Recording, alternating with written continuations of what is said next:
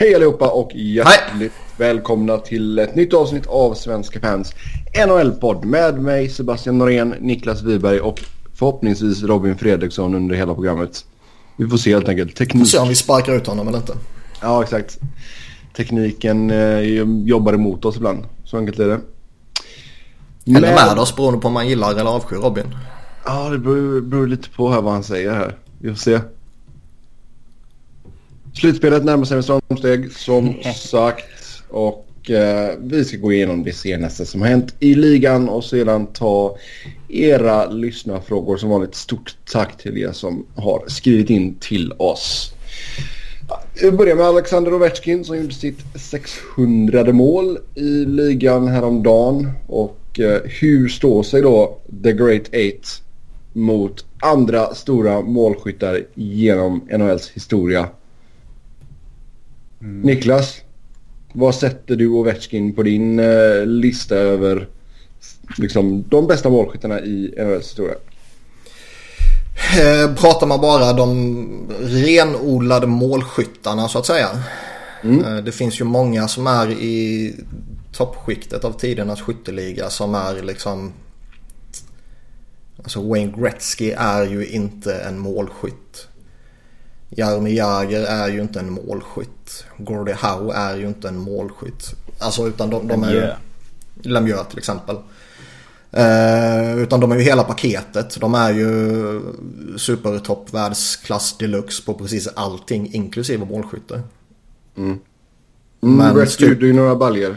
Ja, medan typ Brett Hull är ju väl alltså den typiska målskytten känns det som. Mm. Och eh, Mike Bossy är ju en annan. Mm. Eh, Alex Ovechkin är ju en tredje. Yep. Jar Curry är den fjärde. Det roliga är att vi hade exakt den här diskussionen för ja, mindre än två år sedan han hade gjort sitt 500 mål. Ja. Det var snabbt. Det går väldigt, väldigt fort. Då Men alltså grejen är att han, han, är ju... Alltså det är ju, jag är ju den första som skrattar åt eh, Washingtons eh, misslyckanden år efter år efter år. Ehm, och jag har svårt att se att de skulle inom de närmsta åren i alla fall om laget ser ut som det gör nu också och konkurrens och så vidare skulle vinna eh, kuppen de kommande åren. Men, men alltså det ska ju inte påverka hans storhet i historien liksom. Det gör ju. Ja det gör det men det ska inte göra det. Uh, inte om vi rankar individer. Nej, exakt. Men det läggs fortfarande väldigt mycket vikt vid om man har vunnit något eller inte. Uh, mm. Jag har ju pratat liksom personligen så att säga med, med rätt respekterat folk och duktigt och insatt folk i, inom hockeyvärlden sådär som ändå inte inkluderar Ovechkin typ i liksom tio största européerna i NHL genom tiderna. Bara för att han inte har vunnit kuppen. Mm. Alltså nu ligger han alltså på 20 platsen över liksom målskyttar genom tiderna. Han, han ju... Tre, tre alltså, europeer framför sig. Ja, och jag menar det är ju inte så att det är helt omöjligt för honom att knäcka topp, alltså topp 10 bör han ju kunna knäcka. 90 mål till gör han ju. Med, lite, med lite flyt så gör han det på två säsonger liksom. Ja, alltså jag ser det ju inte som det minsta otroligt att han tar sig in på topp 5. Uh, ska vi se, 5 där har vi Marcel Dion med 731 baljer. Uh, han gör det väl kanske inte nästa säsong, men... det hade varit någonting. men jag menar alltså han är ju inte överjävligt gammal. Han är bara 32 så att säga. Mm. han skulle ju mycket väl kunna ha fem stycken riktigt bra år kvar. Mm. Ja, jag menar han, han spelar ju inte så förändrat lite under alltså om man tittar på Ovechkin när han klev in i ligan och de första åren när, när det liksom var verkligen gasen i botten slänga sig in liksom, i varenda situation. Ja. Och det, han har ändå så liksom, naturligt utvecklat sitt spel och förändrat det med tiderna. Så jag menar, och skottet har han ju kvar, liksom, fin finishing touch. Så jag menar, han kommer ju kunna säkert, visst, om han, även om han tappar några steg till i skridskoåkningen. Jag menar, fan, han kommer ju bomba in mål i PP tills han är gammal och grå tänkte jag säga, men han är redan lite grå. Så ännu gråare då. Nej men helt klart. Och jag menar jag tror det inte för jätteosannolikt att han ligger kring 50 mål ytterligare några säsonger. Och Alltså Iginla gjorde ju liksom upp mot 25-30 fram till han var typ 38. Ja, Ovechkin är ju bättre än Ginla. Det ja, ja. kan vi ju lugnt fastslå kan jag tycka i alla fall. Det är väl inget snack om saken. Nej, bra. Men eh, sen är det Det här, det här väl... att han ska dra till Ryssland som vi spekulerade om förut, det känns lite vid slutet va? Ja, I Ja, men då... alltså- Jo, men han går tillbaka och typ gör en eller två säsonger liksom. Det är jag vet fan.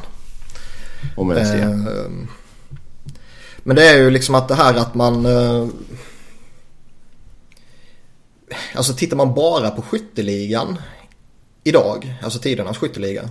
Mm. Så visst, då är ju topp 20, det är väl inte så jävla överdrivet fantastiskt bra liksom. Men tittar man på eh, när han tar sina milstolpar så att säga så var det fanns 500 mål. Som Robin nämnde här för några minuter sedan när, vi snackade om det. Det var ju bara liksom Gretzky, Lemieux, Bossy och Hall som gjorde det snabbare. Och eh, nu när han gjorde sitt 600 mål så var det ju eh, Gretzky, Lemieux och vad fan var det mer? Som hade gjort det innan deras tusende match. Eh, Brett Hull var det. Mm. Det är ju riktigt imponerande. Ja, alltså det är ju, han producerar ju på en historisk nivå. Eh, under en era där det görs färre mål än när hans konkurrenter spelade. Ja, exakt. Tacka Bäckström för det. Vad var det? 228 assist? Han hade Det är till bara skitsnack, det vet du. Men jag menar, börjar man titta på målsnittet han håller. Och sen kan man väl kanske eh, exkludera eh, Todd Bergen som gjorde eh, 14 matcher men 11 mål. Det är ju sig ett bra målsnitt. Och man kan kanske exkludera typ Newsy Lalonde som bara spelade 99 matcher men gjorde 125 mål. Eh, och sen har vi Babe Die och Cy Denny som liksom det var några hundra matcher de gjorde. Mm. Så tar man de här med, som har spelat en, en lång karriär så att säga. Så är det ju Mike Bossy som har det bästa målskyttet. Följt av Lemieux, Pavel Bure och sen kommer ju Ovechkin där. Mm. Han har liksom bättre målsnitt än Wayne Gretzky och Brett Hull och Maurice Richard och Phil Esposito och ja, allt vad det är. Mario Lemieux är bättre än honom sa jag inte kanske inte. Sa jag det? Jag minns inte. Men det är liksom fantastisk karriär han gör ju. Mm. Och som sagt ytterligare några år, ytterligare några baljor. Topp 5 ser jag som högst rimligt liksom. Alltså han behöver ju bara göra, göra 25 till för att ta sig förbi Curry, Cicerelli, Bobby Hull, Jerome Ginla, Joe Sakic. Mm. Han kommer ju klättra på den här listan ganska snabbt tror jag. Oh ja. Eh, ja.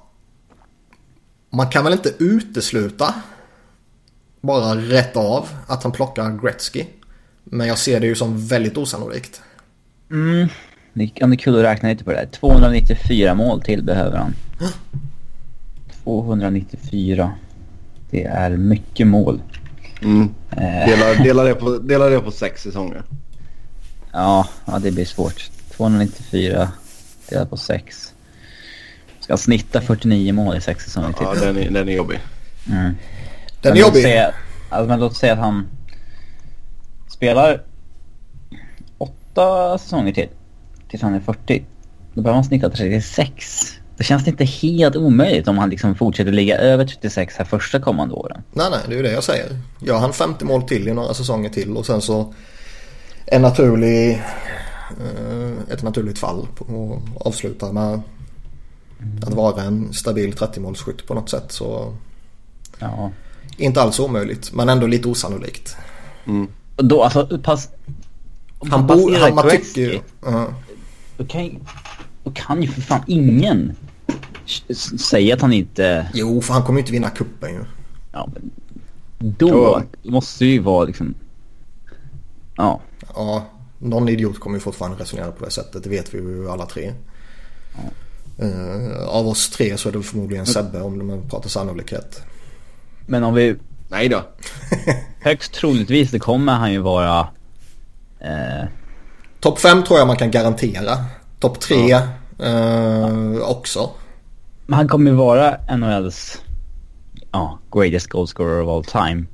Om man ändå ser till när han har gjort det här. Alltså, Oh ja. eh, visst.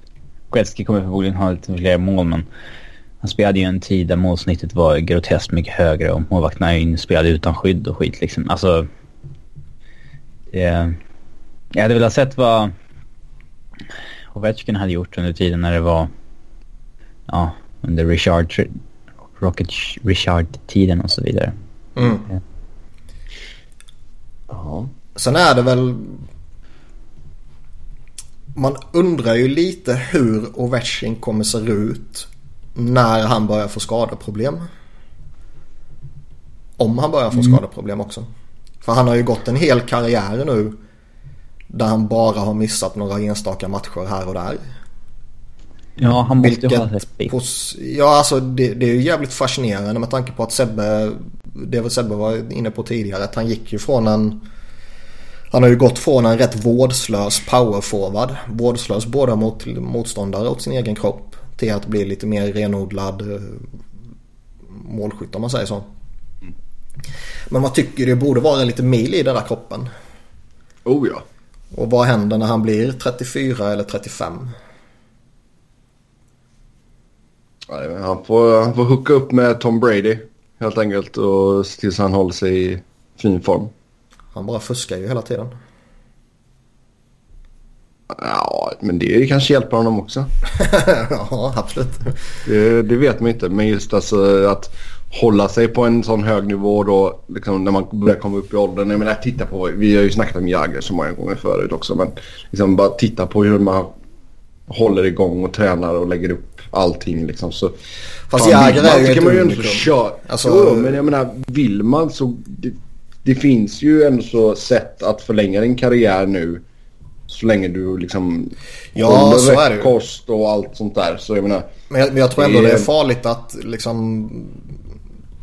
Nu säger inte jag att du är den enda såklart. Men liksom att om Jagger kunde det så kan många andra göra det. Ja, nej, nej, nej. För fan. Alltså, Eh. det är att, att, att vi kommer få se någon som spelar på en sån nivå när han är liksom 45 och du vet så här, Nej, nej, det tror jag inte. Men ehm, jag tror vi kommer nog få se fler och fler spelare som ändå så lirar tills de når 40 i alla fall. Vete fan. Känns snarare tvärtom. Att förr kunde man det. Men sporten håller sån jäkla hög nivå idag att man...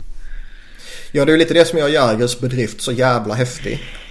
För att om han skulle gjort det för 10-15 år så känns ju inte det så överjävligt egentligen. Ja, alltså Utan Chris till- till- Chelios uh, grejen känns ju... Alltså den Alltså det är ju jätte... kändes ju är knappt stor i jämförelse med Jagers. Nej, och det, det är liksom jättemånga som har spelat till de är 40 eller strax under 40 och ändå hållit en, en god nivå. Eh, Ja. Om, man, om man går tillbaka till generationen som spelade innan den här generationen om man säger så. Ja. Eh, Så jag är nog lite inne på Robin ändå att det, det blir nog svårare och svårare i synnerhet om ligan fortsätter ta de här eh, kliven i utvecklingen som den har gjort nu med liksom extrem snabbhet och hela det köret. Ja, det... Och all, all statistik pekar emot att spelare pikar i tidigare och tidigare ålder liksom. Mm. Eh, Men... eh, Snart kommer de pika innan de ens kommer in i ligan. Vet du. Den blir jobbig. Ja. Den blir jävligt jobbig alltså. Börja drafta spelare när de är 12 istället. Ja, exakt. In med dem när de är 14 liksom. Bara, Ja, det där är också en diskussion om inte... Skulle inte McDavid kunna spela i ligan två år tidigare? Liksom? Man kommer alltid hitta sådana där undantag som inte kommer ha några problem med det. Men, Man kanske eh, ska göra, du vet, uh, exceptional player status. Från... Ja, Så gör man ju i uh, juniorligan där borta, att man kan få komma in tidigare om man är en så kallad exceptional player. fast det har väl bara hänt typ tre eller fyra gånger. Det har hänt med McDavid, John Tavares Ekblad, Tavares och sen tror jag det är en till. och en som har floppat. En Sean Day. Just det. Eh, och det satt ju, alltså att han fick exceptional player status eh, satte ju förväntningar på honom som han inte har kunnat hantera typ. Jo. Ja. Det är ju en del press också på en sån liten kid liksom. Ja, sure. Det är det. Men... eh, mm. Antingen Men har man det eller så har man inte. För att återgå till Ovi. Mm. Så... eh, eh, visst, han kommer inte spela tills han är jägarålder, men... Den kan man klara några år liksom. Efter 40 i alla fall. Jag menar, han kommer ju... Även om han inte är den dominanta superkraften som han är idag så skulle han ju fortfarande kunna göra... Alltså... Ser man på Iginlas sista... Inte sista säsongen, den var ju riktigt dålig. Men alltså de sista tre åren innan det. När han var liksom ändå en defensive liability och ingen tvåvägsspelare utan mest en, en katalysator i PP. Då gjorde han liksom 30 mål i Boston, sen 29 mål i Avs, sen 22 mål i Avs. Så att Mm klämma ut nästan 85 mål till när han egentligen inte... Är bra. Ja, Det är eh, ju, det är ju duktigt i, i sig liksom. ja absolut. Det, det, jag ser absolut ingenting som eh, säger att Ovechkin inte skulle kunna göra det. Alltså efter hans stora drop-off så att säga. Mm. Nej, nej, med det skottet så bör han ju kunna vara tot i många år till. Ja. Mm, det blir intressant att följa. Vi går vidare. Är det, någon an, är det några andra spelare i ligan som kan inkluderas i toppskiktet av historiens bästa spelare? Va? Alltså är vi målskytt eller vadå? Ja, utan Allmänt. allmänt. I dagens Sidney- liga? Ja, Sidney Crosby. Ja, Sidney Crosby. Kan Malkin vara en av de hundra bästa nu? Jag vet inte. Nej. Han är fortfarande hundra. Hundra bästa? Ja, det- ja, det är han ju. Men alltså jag tror inte han... Eh... Det krävs så jäkla mycket för att nämnas bland de där, ja... det Och så ska man nämna sitt toppskiktet. Av toppskiktet. Ja. Så är det väl eh, Crosby. Eh, man kan ju förmoda att McDavid kommer vara där när han är på... eh, Han är klar så att säga. Ja. Uh, EK65 om han fortsätter så här. Eh, Han är en jävla skillnad om han fortsätter... Eller om det blir liksom en Mike Green-kurva neråt. ja. Liksom, ja. Men om man, man, någonstans får man ändå förutsätta att man, han kommer ligga på den här nivån åtminstone några år till. Eller i alla fall i närheten av den här nivån. Eh, då ska väl han klumpas in alltså i skiktet under Bobby Orr och Niklas Lidström typ. Men... Eh, Med Ray Bork och gänget. Paul Coffey och allt vad fan det kan vara. Malkin är ju på håret för att han varit skadad så jävla mycket. Och sen så... Jag vet inte om han... Om han hade varit fullfrisk hade han ju säkert tagit större, större... Liksom... Meriter. Eller Alltså i grunden poäng. kan man ju... Skulle han, som du säger, skulle han varit frisk och han skulle förmodligen åstadkommit vad man då någonstans kan förutsätta att han skulle åstadkommit som du är inne på. Så borde man ju, eller till och med kunna argumentera för att han kanske är en större spelare än Crosby. Eller bättre i alla fall. Ja men säg Joe Thornton som har gjort 1400 poäng. Mm. Alltså inte så här... Malkin är inte mindre än honom. Jo, är inte Thornton större? Jo. Men... Eh, alltså han är 500 poäng bakom Joe. Och har sju säsonger efter honom eller någonting. Ja, jo, jo.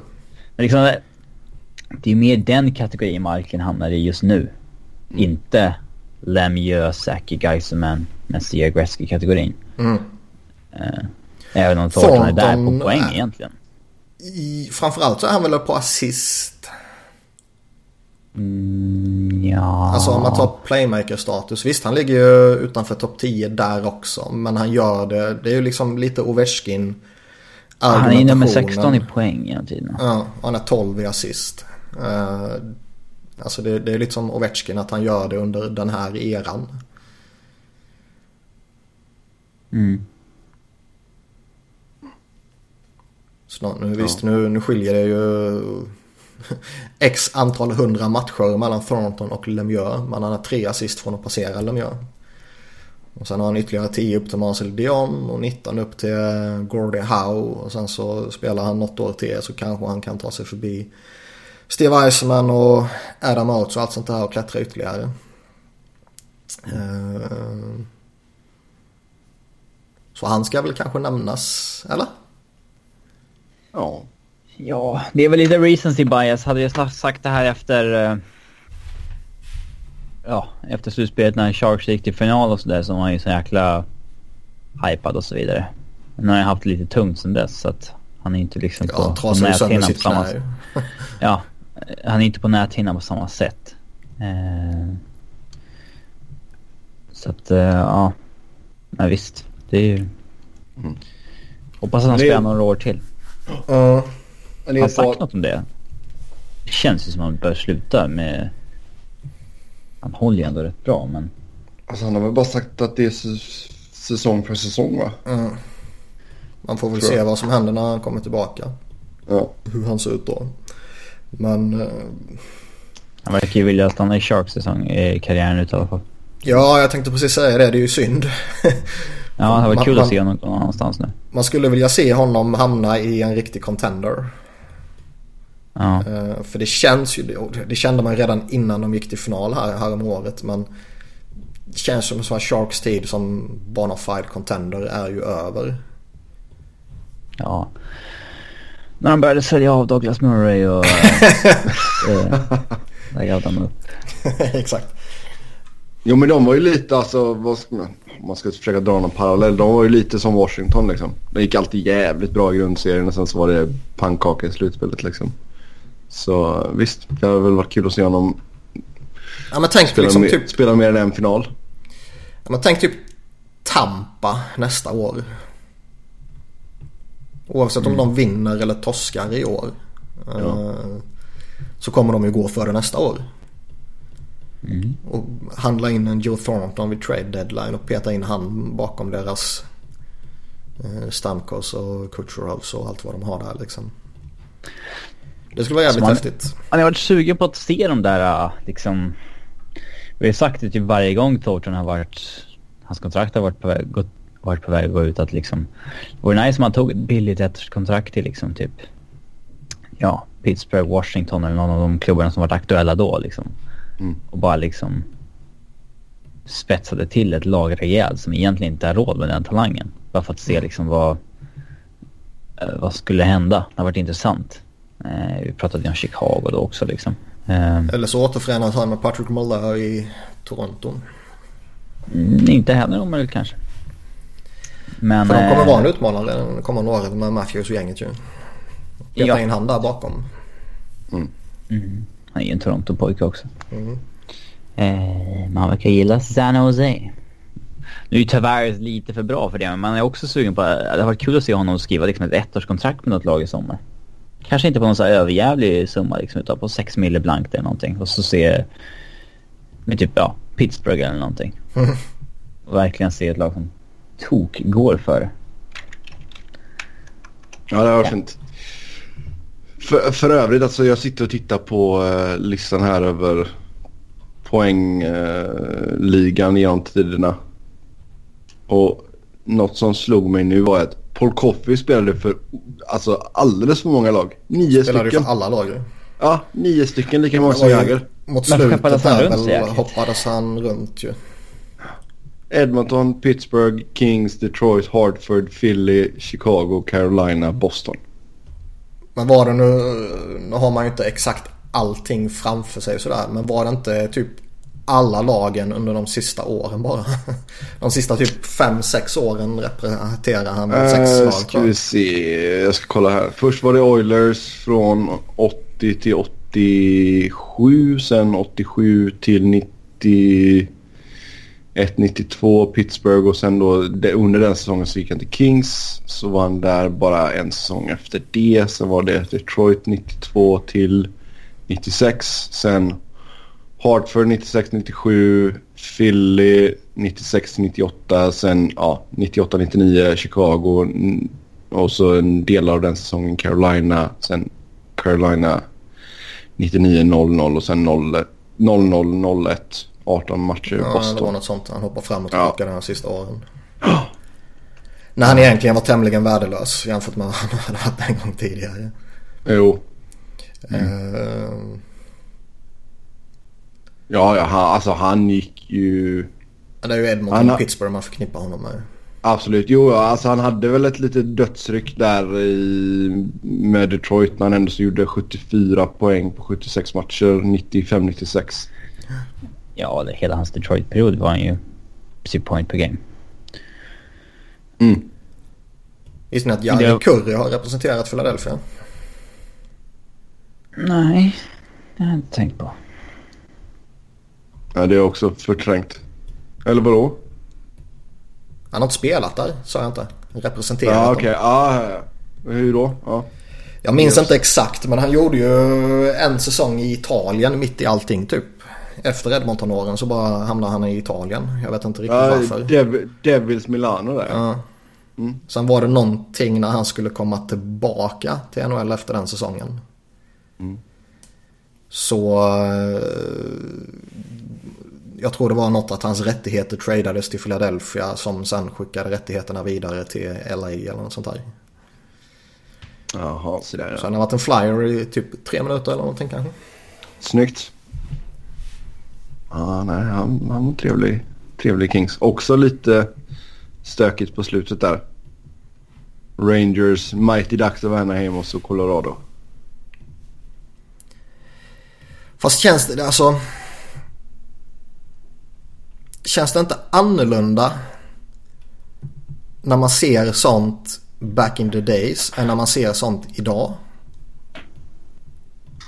Alltså om något så känns det som att spelaromsättningen har blivit större nu. Och liksom vissa spelare tänker man ju inte på. Alltså för, jag för mig är ju Curry det är Oilers jag- och Kings liksom. Fast Jag, jag... jag jag, tänker liksom ja, inte på att, liksom att han smutsade ner det med att spela för Anaheim liksom. alltså spelaromsättningen kanske har blivit högre så tillvida att jag tror inte man kan ha sån där extremt långa framgångsrika karriärer som man kunde förr om åren. Mm. Där, där väldigt många spelare hade det så att säga. Men kän, känns det inte som att det var vanligare att flytta runt sådär förr om åren? Alltså det kanske det var. För jag menar tittar du på... Det horades mer förr. Ja, nej, nej men alltså ti- tittar du på topp fem- topp 50-listan alltså. Det är, ju inte, det är ju inte många spelare som har färre än tre lag liksom. Och då är det inte så stora spelare vi snackar om. Mm. Det... Så jag menar, där ska ju spelare som Iceman, Lemieux, Mikita liksom. De ska ju fan ha cred att de har gjort det liksom i ett lag liksom. Uh, Sakic får man ta med där också i och med att Quebec flyttar liksom. Um, glöm inte Bobby Clark. nej. Så ja.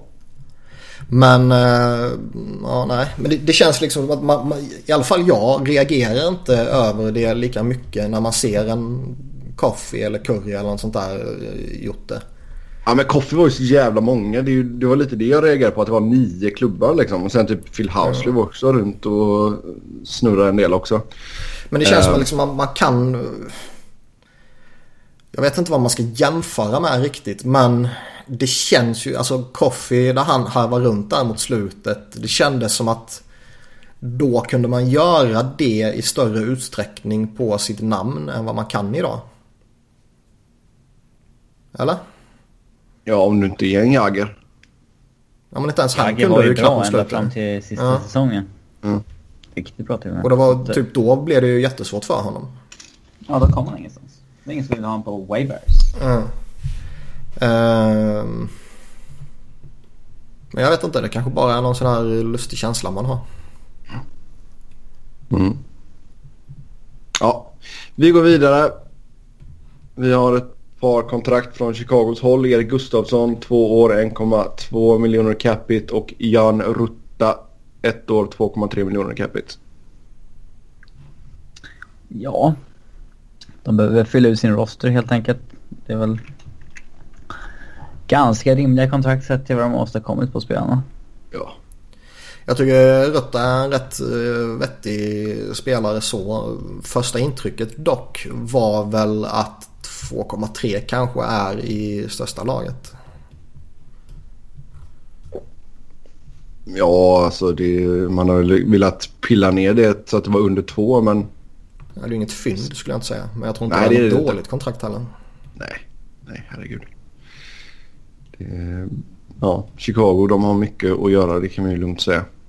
Det blir ett lag som blir lite intressant att följa i sommar. Sen Ron Fast Francis. vi pratade om det förra veckan. Jag Mm. undrar hur mycket de kan göra. Jag tror inte de kan göra så jävla mycket egentligen. Förutom att sparka coach Q. Nej men även det är ju ganska stort. Ja det är det. Men, men alltså med rostern tror jag det finns väldigt lite de faktiskt kan och vill göra. Jo, jo, det är helt sant. Ron Francis är inte längre GM i Carolina utan han blev befordrad till President of Hockey Operations. Så Carolina är på GM-jakt. Det här är ju det mest intressanta med det här är ju den genuina chocken som väldigt många alltså stora journalister fick på Twitter när det kom fram att han fick sparken uppåt. Precis som att wow det här sker aldrig, fan vad stort det här är. Det Fattar ni vad jag menar? Jo, jo, absolut. Det kan jag väl tycka är lite konstigt. Alltså det sker ju hela tiden. Sen blir det, är det väl kanske inte lika uttalat eller liksom kommuniceras ut ryktesvägen så att säga. Lika tydligt som gjordes i det här fallet. Nej. Men eh, det är ju knappast något nytt att en eh, liksom respekterad gammal spelare inte får sparken utan han befordras upp till någon liten halvlullig eh, överseende roll. Och, eh, ja, man behåller honom i någon form av lojalitet liksom. Mm. Ja. Eh, vilka är det som har... Det, är en del namn. Det är en del namn som har snurrat runt i rykteskarusellen här då. Angående GM-platsen i Carolina. Ehm, Vad heter han? Mike Fura? Eller vad fan heter Ja. han i LA? Ja. Utta. han tog ju bort sig själv. Det där är ju... Han, han, han klev åt sidan för att han tycker att det skulle vara en distraktion mot eh, LA mitt under slutspelsjakt och eventuellt kommande slutspel och sådär. Det är ju, alltså, Alltså, det- det är ju så bara mycket ett- det är ju bara ett- spelarna ett sn- bryr sig om det. Nej, det är ju bara ett snällt sätt att tacka nej till jobbet. Ja. Alltså, jag, jag, jag kan ju ha förståelse för, och, eller ha förståelse för, det låter som, men liksom stå 100% bakom att lagen inte ger andra lag tillåtelse att diskutera med eh, typ en assistant GM eller något sånt här eh, i, det här skedet. Jag menar många gånger sitter ju en assistant GM på alltså väldigt mycket ansvar. Det kan vara, i princip vara han som har huvudansvaret inför sommarens draft och sådana här saker. Och bara skicka iväg han eh, så här några månader innan draften när det kanske är han som är spindeln i nätet så att säga. Eh, inför hela draften. Det, det känns ju inte direkt i lagets intresse. Nej. Så där är jag lite det- förvånad ändå att, att man får lite tillåtelse med på rätt många håll ändå. Ja. Och det är ju någonting som Futa ändå så har varit, eller Fuda, eh, har varit jävligt insatt i. Det är ju just Kings scouting och allt sånt där. Det är ju hans bakgrund liksom. Mm. Nu, vet, nu vet jag inte riktigt hur det är i, i Philadelphia idag. Men Paul Holmgren till exempel när han var assistant GM under Bobby Clark så var det ju han som roddade draften i princip. Ehm, jag tror att Hextall idag har ett mer, eh, alltså tar ett större ansvar själv även om han såklart har eh, sin stab med sig. Men jag vet inte om det ja, jag har inte koll på det lika bra liksom. Och jag menar det, det är ju någonting som jag förvånas över att lagen ändå är villiga att låta en sån snubbe lämna bara så här rakt upp och ner och ta med sig all sin kunskap till ett annat lag. Ja, det är sant. Sen visst, sen kan man ju ha någon form av eh, lojalitetskänsla även mot en en snubbe som har varit assistent GM i 12 år och som nu äntligen får chansen att bli GM på egen hand. Då, då kanske man liksom, nej men han förtjänar det här. Vi, fair enough. Men någonstans då så... Alltså man vill ju ändå inte släppa den kompetensen som han sitter på inför en draft till exempel. Utan nej, de skulle nej, liksom, visst du, du får prata med dem men uh, du får gå till dem först den första augusti liksom. Mm. Men jag menar hur intressant är det för det nya laget då? Ja, det är sant. De vill ju rimligtvis ha in den nya snubben idag. Innan ja, draften framförallt. Ja, ja, exakt. Ja. Så det tycker jag, jag är lite lustigt så. Annars... Uh... Vilka namn är det som är ute? Det var ju han, han tackade nej. Sen var det ju Nashvilles assistant GM som jag inte kommer på namnet på nu. Som uh, heter så mycket som Paul Fenton. Mm. Dubas har väl nämnt som vanligt. Ja, han har ju varit i Preds i många, många år och uh, han har väl nämnts till och från så fort det blir någon uh, vad heter det? Någon ny uh, GM-plats öppen. Opening. Ja. Mm. Eh, sen är frågan, vill man lämna Nashville idag? Jag skulle säga nej. Mm. Eh, vad var det mer? Greeley också va? Ja. Så var det, alltså, det var väl inga namn som man går igång på sådär? Icermans assistent, det har ju nämnts många gånger så fort jag har sitt jobb också. Julien Brisbois. Ja. Sen är väl deras eh, Mike Vlutchy tror jag det var som är assistant GM i Keynes idag. Var väl det interna alternativet så att säga. Mm. Som är assistant GM i NHL, Director of Hockey Operations i NHL och Head Coach i AHL. Mm. Uh, känns som en udda kombination. Ja. Men han har i alla fall nämnts också. Man väljer det interna alternativet. Och här, alltså. Eh, det verkar ju vara en liten speciell situation som väntar Keynes nya GM under Tom Dundon. Där han ska vara en väldigt hands-on owner och där han förväntas eh, typ kunna få dagliga rapporter och hela det här köret och kunna påverka dagligen och sådana saker. Eh, man undrar ju lite om det skrämmer bort alternativ i den här ligan som är extremt inne på att allting ska göras som det alltid har gjorts. Eh, ja. Så nya saker kan ju skrämma bort folk. Alltså det, ja. Den är ju lite känslig som du säger. Alltså just när det kommer in en... För jag menar, det är inte så att han är... Han är ju ganska färsk ägare också. Så, mm. Vi får se vad som händer där i Carolina helt enkelt. Det har börjat snackas mer och mer om Conor McDavids chanser till Hart Trophy. Vad tycker vi?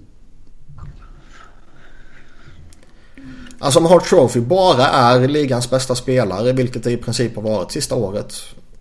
Då är det väl han eller Crosby som ska ha det. Och mellan de två är det väl en smaksak.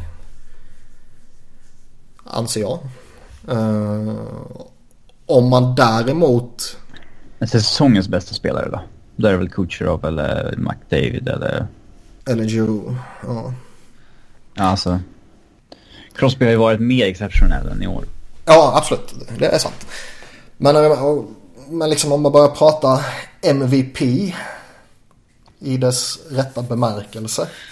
Kan man mm. verkligen ge det till en spelare oavsett hur bra han än må vara i ett lag som eh, för tillfället är, är eh, en, två, tre, fyra, fem, sex, sjunde sämsta laget.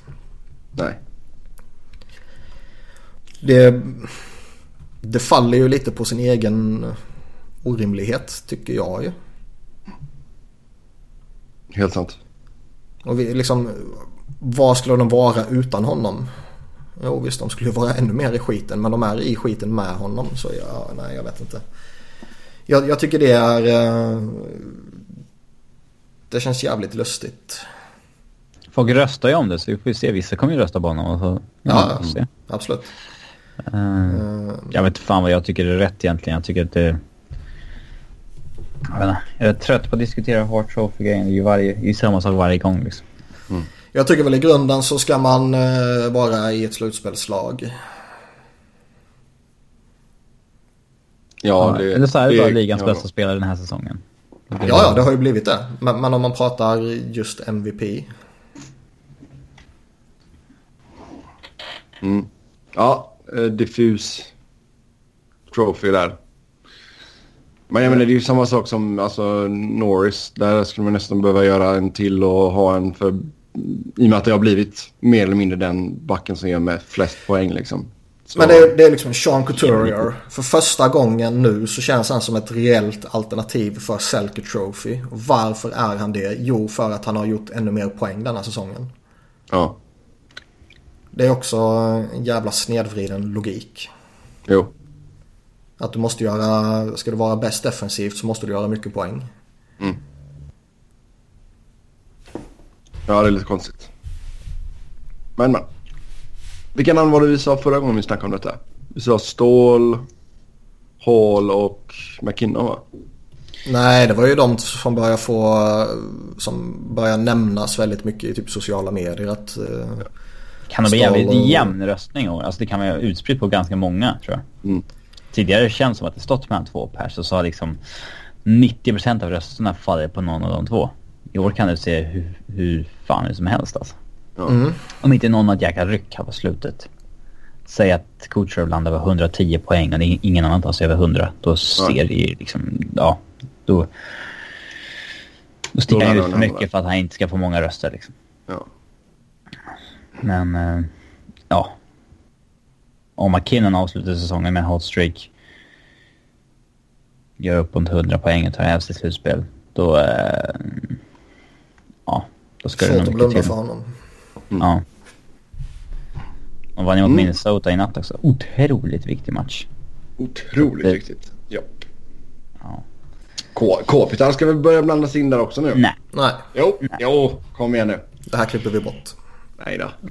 För att du inte ska framstå som allt för korkad. Ja. Jag gör det en tjänst. Han har gjort mycket poäng liksom i skymundan i år. Ja. Att han var så fruktansvärt dålig i fjol så... Eh, Studsa eh, tillbaka otroligt fint. Ja, men liksom alla i ligan gör ju mer poäng i år. Så att han mm. sticker ju liksom inte ut. Nej, det kommer ju vara en rätt stor skara som ligger över point per game. Ja, det har vi inte sett på jättemånga år. Nej, det är lite fascinerande.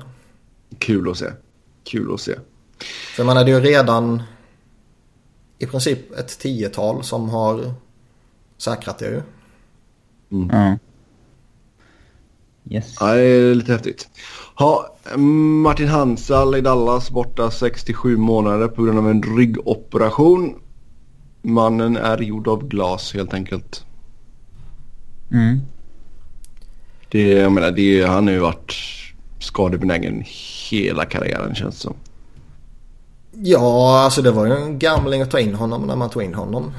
Uh, man ska väl vara glada att det bara blev på ett korttidskontrakt så att säga. Liksom, som man inte plockar honom på sex år eller någonting. Ja, exakt. Men han, han är ju den här typiska spelaren som man funderar på uh, what if. Hur, hur, liksom, vad skulle han nått om han skulle ha haft en skadefri karriär och inte slösat bort alla de här jävla åren i Arizona. Jo, för han, alltså, han har ju visat under perioden när han har varit hel att han kan vara jäkligt effektiv. Absolut. Det, ja. Men så är det. Nu den, väntas den, en rehab. De två gångerna han har varit hel typ. ja, exakt. Eh, Bobby Ryan ska ha snackat om hur nära han och Erik Karlsson var att bli bortbytta till ett lag ute i West. Och det är väl Vegas. Eh, ja. Det här är väl den närmsta man förmodligen kommer en bekräftelse på det. Även om liksom LeBron och Bobsan och eh, Friedman och alla sådana här säger det så kan det ju Alltså de har ju legitima källor men man vet ju inte om det är liksom en hands-on källa så att säga. Mm. Det är ju de involverade spelarna så om de säger det så känns det ju oundvikligen som att det var så. Och det är lite fascinerande. Ja. Ja, som sagt det var ju, det var ju dåligt av Ottawa att försöka paketera in Bobby Ryans kontrakt i en Karlsson-trade. Det har vi pratat om innan. Ja. Så, ja. De hade, de, alltså det är det som är grejen alltså. Hade det bara varit Karlsson så hade det varit löst. Tror jag. Det, men, men. men det är fortfarande en stor och svår och utmanande trade att göra. Jo. Uh, och det är liksom...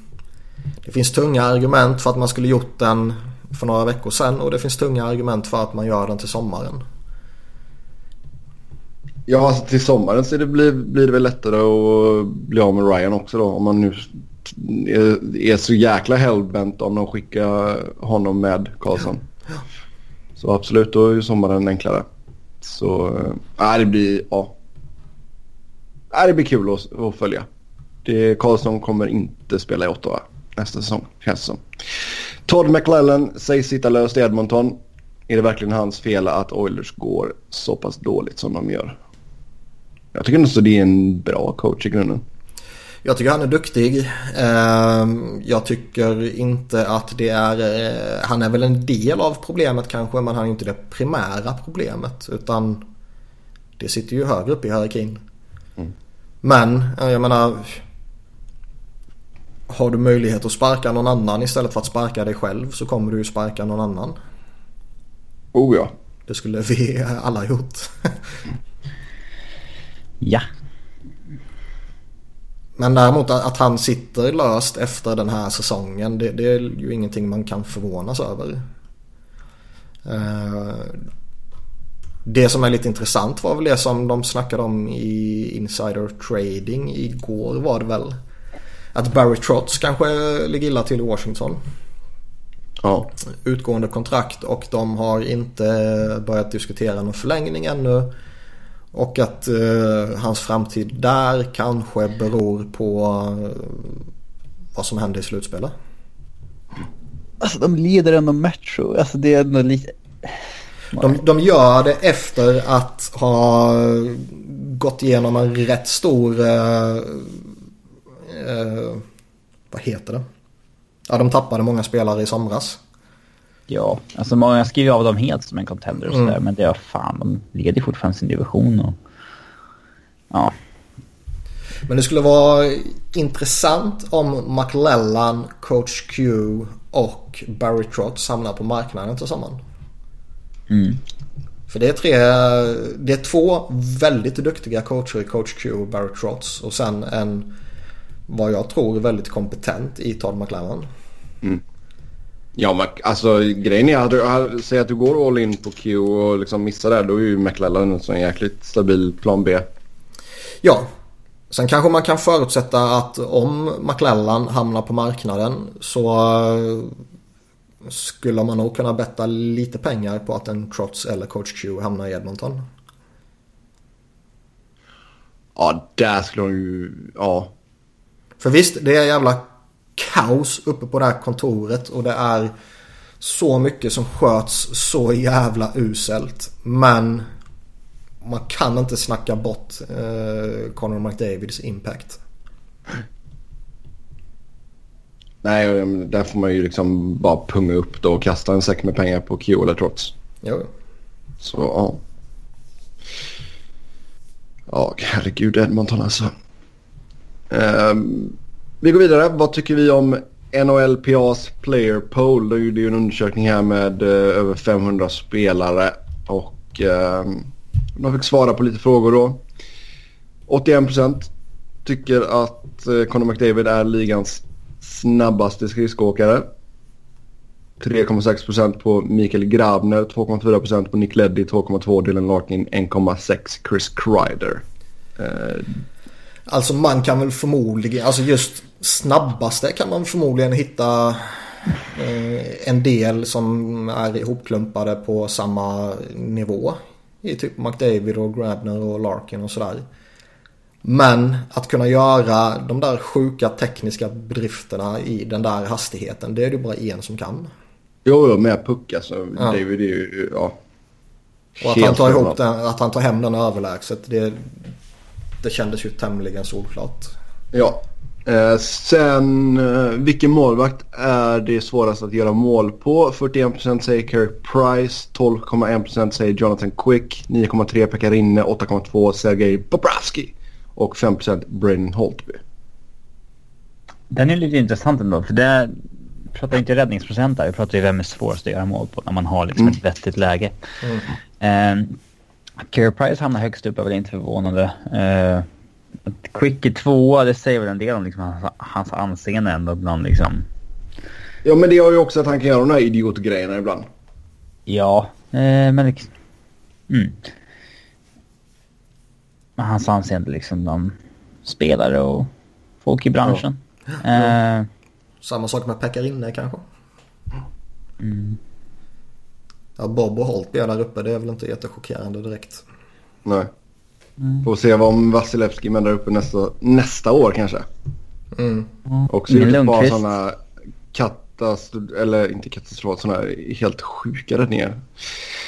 Eh, vem är den svåraste spelaren att spela mot? 29,9% säger Sidney Crosby, 23,7% säger Conor McDavid, 4,6% på Patrick Kane, 4,1% Shea Webber och 3,2% på Anze Kopitar. Att Crosby och McDavid inte har större andelar här tycker jag är förvånande. Jag tycker också det är förvånande att Malkin och Karlsson inte är topp 5. Mm.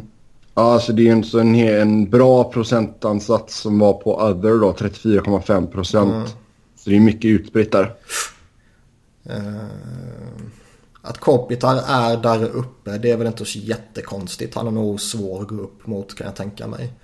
Mm. Patrick Kane är ju, alltså han är skiktet under Crosby McDavid.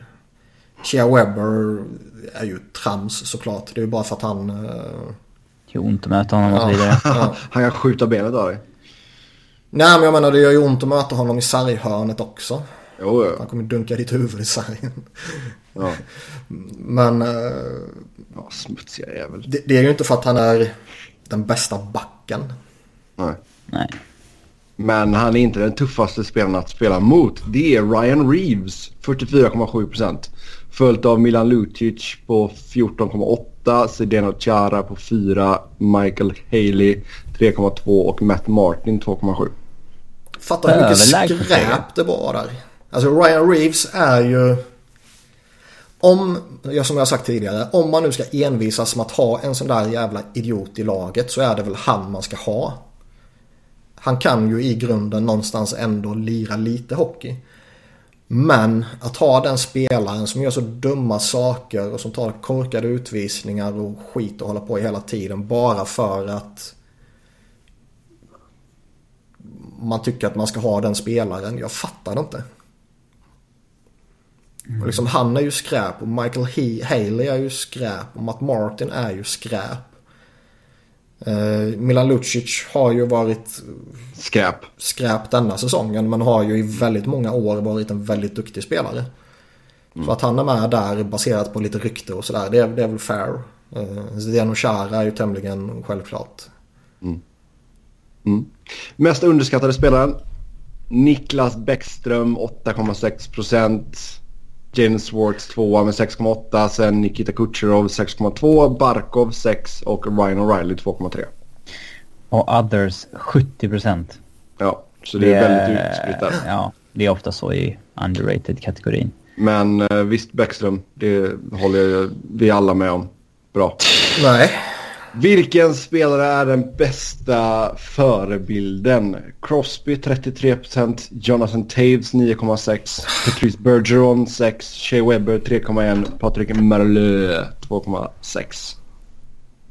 Vad menar man med role model egentligen? Det, ja. Ja, det är en väldigt bra fråga. Mm. Ja, att Crosby där, det är väl inte så konstigt. Uh, men sen... Nej, är väl inte så- han har ju snedvridet rykte så det är inte så förvånande. Nej. Bergeron är väl givet. Ja. Jagr saknas. Jag undrar vad han, Ja. vad han, eh, om det här skulle gjorts för ett år sedan, vad han skulle hamnat då. ja. Ja. Det gjorde de förmodligen för ett år sedan men jag minns inte. Nej. Sen vilken spelare skulle du välja att starta en franchise med? 48,6% Conor McDavid, 23,8% Sidney Crosby, sen 5,8% på Austin Matthews, 3,1% på Jonathan Taves och 1,9% på Erik Karlsson. Hur kan man säga något annat namn än Conor McDavid här? Det är sjukt att under 50 procent säger hans namn. Ja. Alltså... Visst Vem man- säger Matthews för McDavid? Liksom? Ja. Eh, Och framförallt vem säger Jonathan Toews för honom? Ja, det är ju det, Det, det är så jävla patetiskt. Men, men liksom om man bara pratar idag, vilken spelare skulle du plockat idag? Om man inte tar en Conor McDavid. Alltså inget ont om Crosby eller eh, Erik Karlsson eller sådär, någon annan. Men de är ju gamla i jämförelse. Jo, Du har några få år, kanske, med dem. Men du ska ha 15 år med Conor McDavid. 15 år med McDavid, exakt. Men visst, alltså får du välja en 20-årig Conor McDavid eller en 20-årig Sidney Crosby? Ja. Ja, då är det en annan femma. Mm. Eller liksom, då är det mer öppet, kan man ju lugnt säga. Eh, vilken back är svårast att spela mot? 22,1% tyckte att Erik Karlsson. Sen 20,4% Drew Dowdy. 19,4% på Shea Webber. 9,2% Brent Burns. Och 7,7% på Victor Hedman. Ändå att det är ett tydligt toppskikte med Karlsson, Doughty och Ever. Det är intressant. Ja. Alltså... eh, Jag vet inte vad jag ska säga. Dowdy och Webber är ju... Lite samma stuk men ändå inte. Dowdy är ju... Jag håller honom ju klart före Webber idag. Om man pratar kompetens. Sen är han ju inte så hypad som Sebbe vill få honom till. Eller Nej, så det, bra det. som Sebbe vill få honom till. Äh, sluta nu. Eh, Väldigt bra tvåvägsback. ja, Webber är ju grovt överskattad. Men återigen, det kan ju vara att han skjuter hårt som spelar in där. Ehm, Nej, jag tror att han är lite småful fortfarande. Det med. Jag tror Ja, bara och sen det. alltså Karlsson förstår jag att han ligger etta. Jag menar det är ju tufft. För förvånar mig ändå lite att han gör det på en Mm. sån lista. Sen vilken forward är mest eh, svårast att spela mot? 30,4% säger Sidney Crosby, 30,1% säger Conor McDavid. Sen 5,7 på Patrick Kane, 5,2 Anse Kopitar och 4,7 på Patrice Bergeron. Ja. Jag säger som Ja. jag sa på någon tid tidigare. Det är väl liksom jävligt rimligt att de där två är i toppen. Men jag tycker det är lite förvånande att de inte har större procentantal. Sen vem är den bästa lagspelaren? Best team player. Sidney Crosby 6,9 16,9. Jonathan Taves 11. Bergeron 9,3. Kopitar 3,7. Joe Thornton 2,2. Väldigt diffus 57% kategori. Liksom. Väldigt diffus kategori liksom. Vad innebär det att vara en bra lagspelare? Det... Man passar Ja, till de- alla, de- även de dåliga spelarna. Ja, jo, men sen har du också här att eh, vilka, vilka kvaliteter som du uh, uppskattar mest i en lagkamrat. Då är det work, work ethic 26%, team player 14, honesty 7,7, loyalty 6, respect 3,8. Jättekonstiga kategorier. Alltså...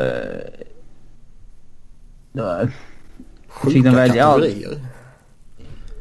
Har, har de valt de här fem och fått rangordna dem eller? Mm, other Nej, 42,5. other 42,5. Men det är ju... Så det har väl bara lämnats en öppen Skulle fråga. mindre än man säger någonting. 3,8% ha sagt skill? Ja, tydligen. Ja, bevisligen. Ja. Eh, om du måste vinna en match, vem är den första spelaren i, i, oavsett position som du skulle ha på ditt eller som du skulle vilja ha i ditt lag? 43,7% säger Sidney Crosby, 15,3 Conor McDavid, 9,7 Carey Price, 3,7 Patrick Kane, 3,4 Erik Karlsson. Det enda som förvånar lite här är väl att McDavid är så långt efter Crosby. Men det är väl att han inte har vunnit än liksom. Mm. Ja. Jo, jo. Sen kan är ju- jag personligen anse att i en sån fråga så borde en målvakt inte vara aktuell egentligen. Det blir väldigt... Uh, För du kommer inte vinna en match utan att göra mål. ja. Nej. Om du sen föredrar Erik Karlsson eller Sidon Crosby för det, det är ju en helt annan fråga. Men jo. en utespelare ska det vara ju. Och sen frågar de om de gillade det poängsystemet som man har just nu. För en vinst och förlust eh, under grundserien. 77,7 77,7% sa ja, 22,3 sa nej. Men det är klart de aktiva gillar liksom förlorarpoängen. Jo men alltså det har ju snackats lite om eh, liksom trepoängssystem och sådär. Det, Mm. Och jag menar det skulle göra det svårare för majoriteten av spelarna förmodligen att ta sig till slutspel. Mm. Eh, alltså på samma sätt som GMs och coacher och ägare så kommer ju spelarna också gilla förlorarpoängen. Ja. Jo, jo. För även om Sen- du går på en losing streak så kommer du förmodligen ha några poäng här och där ändå. Ja. Eh, nästa kategori är coaches och officials. Och då har man frågat vilken coach som du helst skulle vilja spela för. Eh, 16,5% säger eh, coach Q. 14,2 säger John Cooper. 11,6 Gerard Gallant. 7,5 Mike Babcock och 4,9 Peter Laviolette. Och så other 45,3. Men undrar var Galant skulle hamna för ett år sedan. ja, exakt. Jävla trams där alltså. Men ja. Annars är det väl rimliga kandidater. Ja. Sen vilken eh, av de nuvarande assisterande tränarna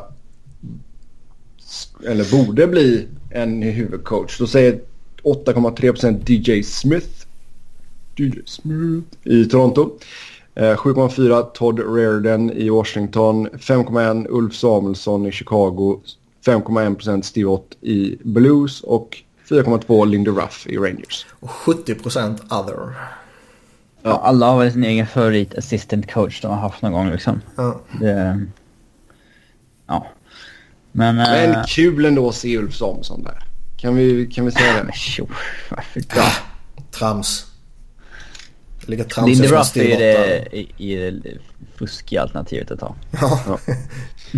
Eh, vilken eh, nuvarande spelare eller vilken, vilken aktiv spelare skulle bli en eh, grym coach efter att de har eh, lagt ner karriären? 5,7% säger Sidney Crosby, 4,5% säger Derek Stepan, 4,5% säger också Jason Spezza, Matt Cullen och sen 3,6% Jonathan Taves. Other 77,3%.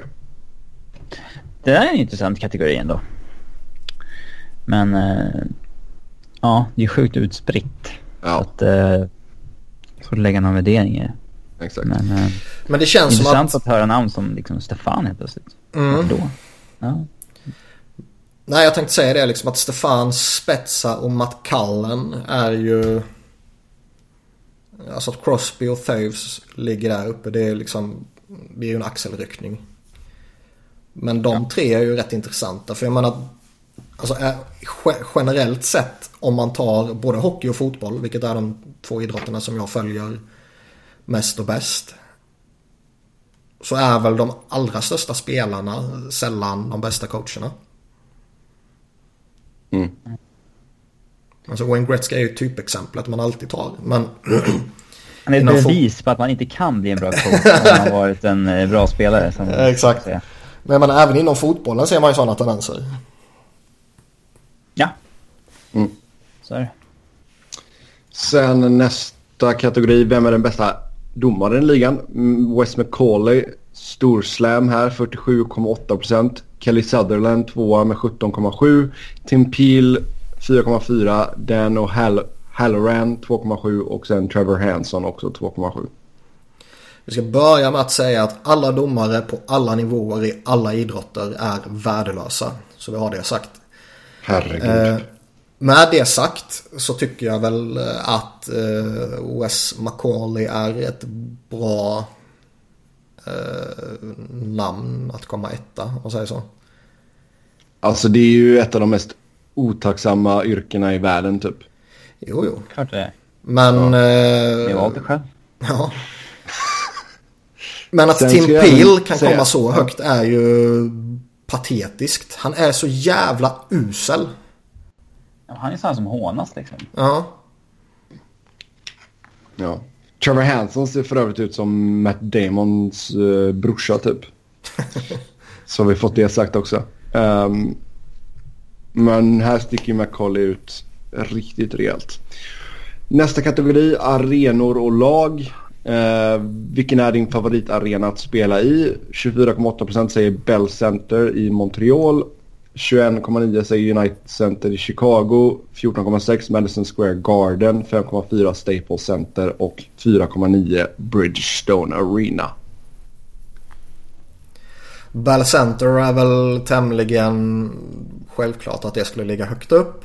Eh, United Center också.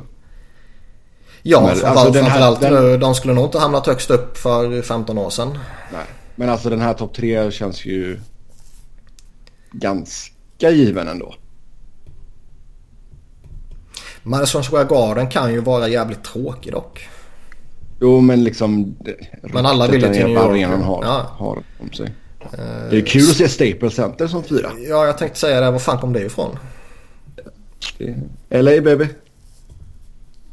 Jag, und- jag undrar om de har, eh, alltså om spelarna räknar med eh, alltså stan. Ja, mycket möjligt. Jag menar det är LA och Nashville. Ja, i och för sig, jag, jag tror inte spelarna har samma upplevelse av Nashville som jag hade. Nej, det är i sant. Ehm. Men ja, det kanske inte är helt orimligt ändå. Nej. Sen vilken eh, arena har den bästa isen? 28% säger Bell Center, 21,7 säger Rogers Place i Edmonton, 6,6 säger Bell MTS Place i Winnipeg, 6% XL Energy Center i Minnesota och 6% Scotiabank Saddledome i Calgary. Låter mer Alltså- som en här bargrej. Vem har bäst is? Ja, exakt. Alltså man ser ju en ty- om man hoppar ner på nästa kategori, liksom sämsta isen. Mm. Och jämför det med bästa så ser man ju, alltså sämst är ju Florida med Ja. 16%. Sen Glendale, Arizona med 10. Brooklyn, Anaheim, Raleigh. Alltså Bäst is är städer i kallt klimat och sämst is är städer i inte lika kallt klimat. Ja. Kan det vara så enkelt? Ja. Alltså rimligtvis är det ju enklare. Det är bara inbillar man sig liksom det som spelare. Nej, alltså jag tror ju, alltså ta Bell Center till exempel så tror jag ju att Montreal har nog, eh, alltså vad heter det, de, de investerar nog mer i isskötsel och allt vad det innebär än vad till exempel Arizona gör. Ja. Men Arizona behöver det ju större för rimligtvis är det ju en större utmaning att Hålla det kallt. sån kallt i en jävla öken liksom. Mm. Sen är det ju vissa arenor, alltså Barclays Center, det är ju ingen jävla hockeyarena så det är klart att det kommer suga där.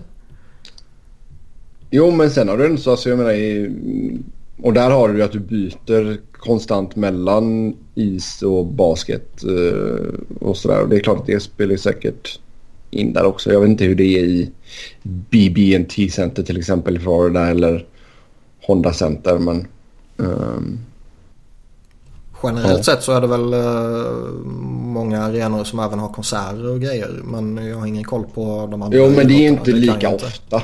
Men jag menar i Barclays så är det ju... Men jag menar även i Staples så flippas det ju fram och tillbaka hela tiden. Mm. Så och Staples är fortfarande bra så sätt. Eh, vilket lag förutom ditt eget har de bästa fansen? 30,4% säger Chicago Blackhawks, 19,4% säger Nashville, 18,8% Montreal, 4,8% Toronto och 4,3% Winnipeg. Det är en jordskredsserie för Chicago egentligen. Mm, men de brukar resa bra också. De skulle ju inte resa, kommit så här högt upp för 15 år sedan. Nej, nej. Okej, okay, inte resa då, men då, det finns ju Chicago-supportrar fan över hela världen. Det finns mycket bandwagon supporters efter deras många, i alla mm. städer mm. efter många, efter deras vinstår. Det finns många Philadelphia-supportrar över hela Nordamerika också, men uh, de är inte uppskattade. Och det ska mm. vi inte vara heller. Mm. Mm. Sen nästa kategori, då är det NHLPAs 50th anniversary. Um, vem är den bästa forwarden genom alla tider? 72,7% säger Wayne Gretzky, 11,3 Mario Lemieux, 4,9 Sidney Crosby, 3,1 Jaromir Jagr, 2,3 Peter Forsberg. Vad är det för jävla idioter som har slängt ur sig Peter Forsberg innan Wayne Gretzky och Mario Lemieux? De här ska fan hängas ut. Kan det vara några svenskar kanske? Skitsamma vilka det är. Och He, nej men då säger man Mario Lemieux eller så säger man Bobby Orr eller så säger man... Men Bobby Orr är inte forward. Var det forward? Jaha jag tyckte det var spelare. Ja. Ah, skitsamma. Nej, forward. Ja då säger man väl uh, Gordie Howe då. Säg vad fan som helst. Men Peter Forsberg det är patetiskt. Och det är ju bara för att de förmodligen har vuxit upp med honom som sin idol typ. Ja.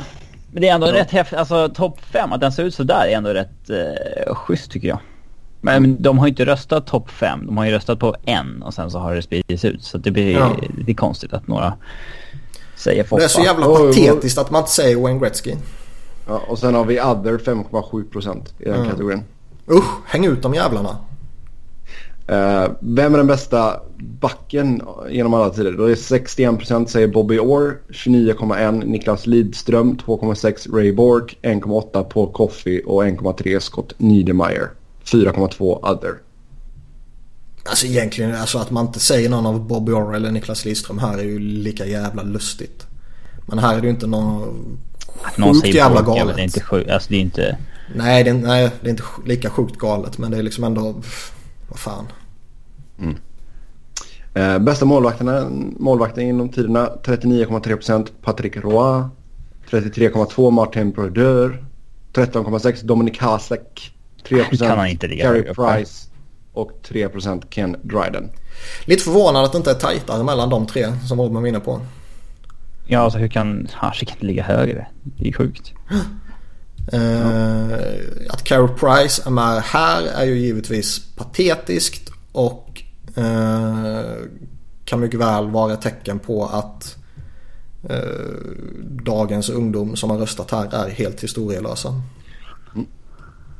Sen, vem är en spelare, nuvarande eller uh, retired, som du skulle vilja ha som en uh, teammate? 13,4% Wayne Gretzky, 8% Sidney Crosby, 6,3% Mario Lemieux, 4,6% Peter Forsberg, 3,7% Niklas Lidström.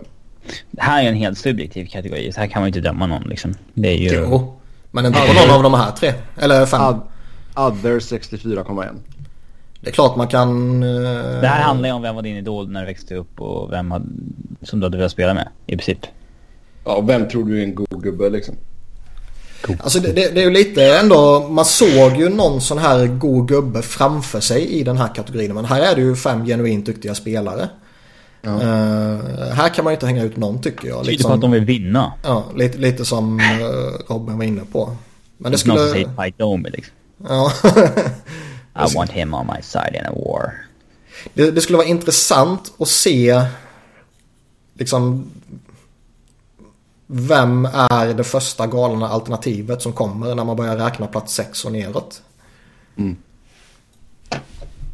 Mm. Och sen sista kategorin var vem var din favoritspelare när du växte upp? Eh, 8,4% Peter Forsberg, 8,2% Steve Eiserman, 7,4% Joe Sakic, 5,3% Niklas Lidström och 4,2% Mats Sundin. Så tre svenskar på denna kategorin.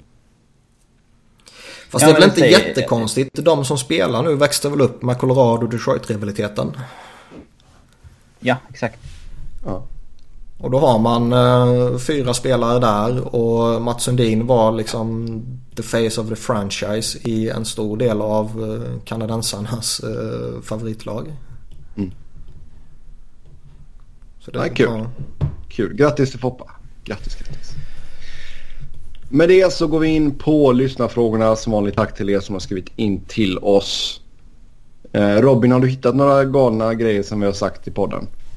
Nej, det kan Nej, jag inte. Då får du djupdyka inför nästa vecka helt enkelt. Får du ljuga? Hitta på något. Nej, djupdyka. Får gå tillbaka i arkivet helt enkelt.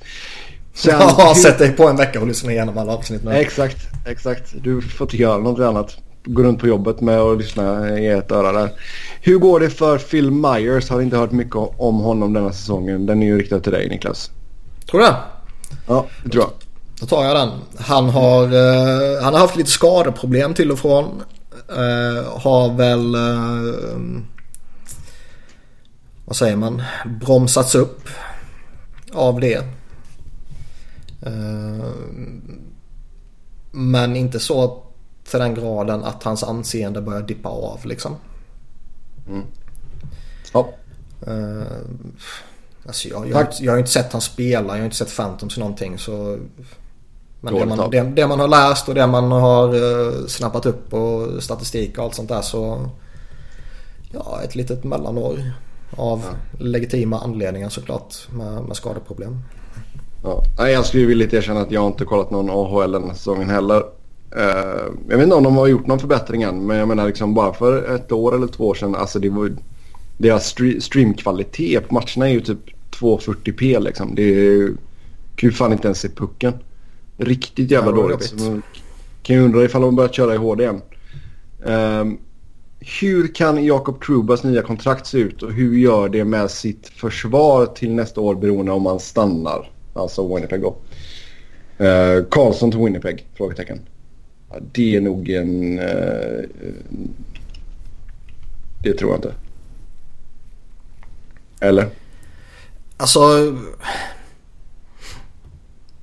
Säg att Jets skulle gå superbra i slutspelet. Mm. Vilket jag eh, inte ser som en omöjlighet överhuvudtaget. Ehm, skulle de baserat på ett slutspel hastigt och lustigt bli ett attraktivt lag för spelare? Nej. Nej, det känns inte som det. Eh, även om de har jävligt mycket att gilla i lagbygget och de verkar ha kompetens på, på kontoret liksom så uh, Alltså alla hatar ju den stan. Jo, det känns lite så. Men alltså om vi tittar just på Truba, hans kontrakt. Jag menar, det var ju lite gnäll då innan han skrev det nuvarande kontraktet. Han tyckte han var värd mycket mer redan då liksom. Mm. Tror du att han fortfarande har lite storhetsvansinne eller? Alltså han har ju inte lyft. Sen visst det är lite skador och skit och sådär liksom. Men... Ja, men det borde ju ligga honom i fatet också. Men ja. man undrar ju om han och hans agent fortfarande har det här att äh, vi ska upp på 6 mille nu liksom, eller mer. Nej men det var väl en sak att ha det för eh, alltså, förra förhandlingen när han ändå fortfarande var eh, ung och man kan visa på potential och allt sånt där. Men nu har han börjat bli 24 bast. Han har aldrig riktigt lyft på det där sättet. Han har eh, inte hållit sig frisk de senaste två säsongerna och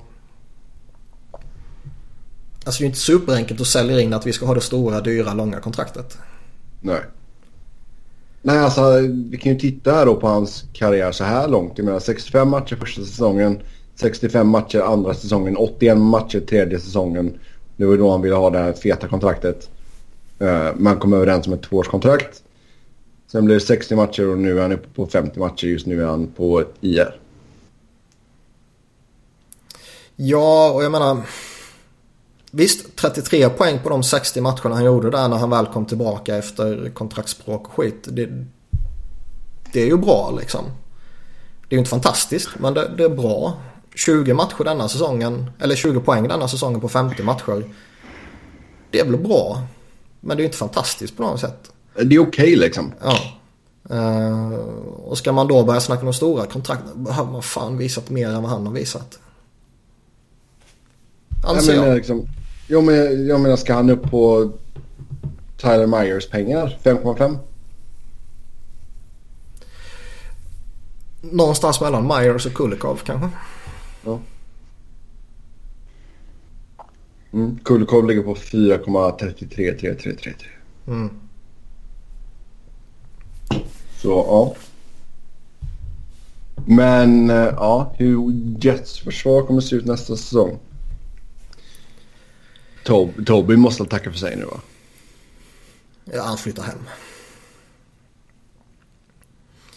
Uh... Men de är ju, ja. De är så jävla tunga på högersidan, det är ju det. Ja. Jo, alltså med Buff och, och Myers så... Och Truba. Ja. Uh...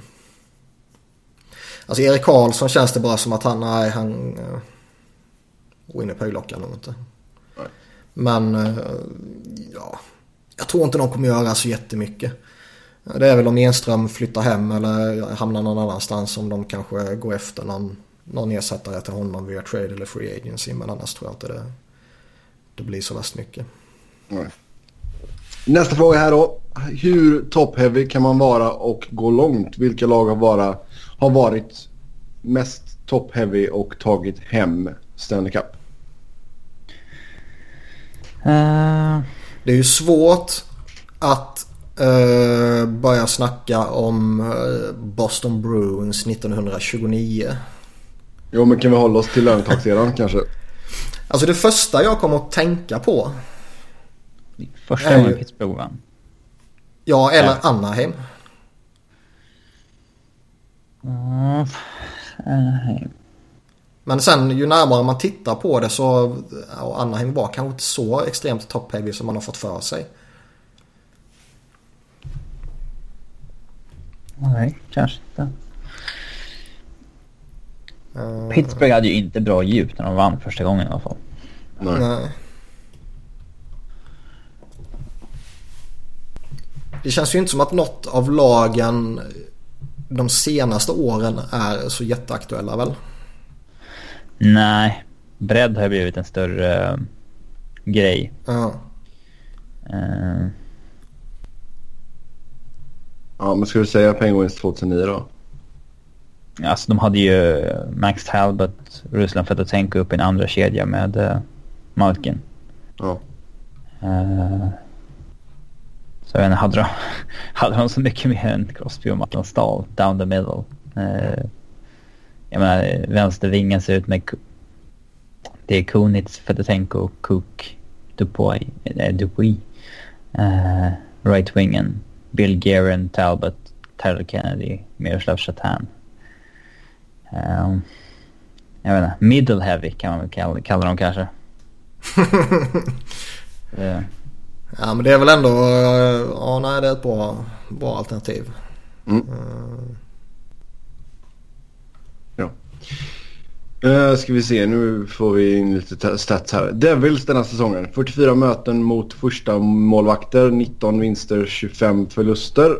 25 matcher mot andra målvakter, 17 vinster, 8 förluster. Uh, är alltså 36 procent av matcherna som man har mött andra keepern. Hur kan det komma sig? Är ju långt ifrån slutspel om lagen tagit dem seriöst sett till denna statistiken. Ja, okej, okay, men 36 procent av matcherna så har de varit andra keepern.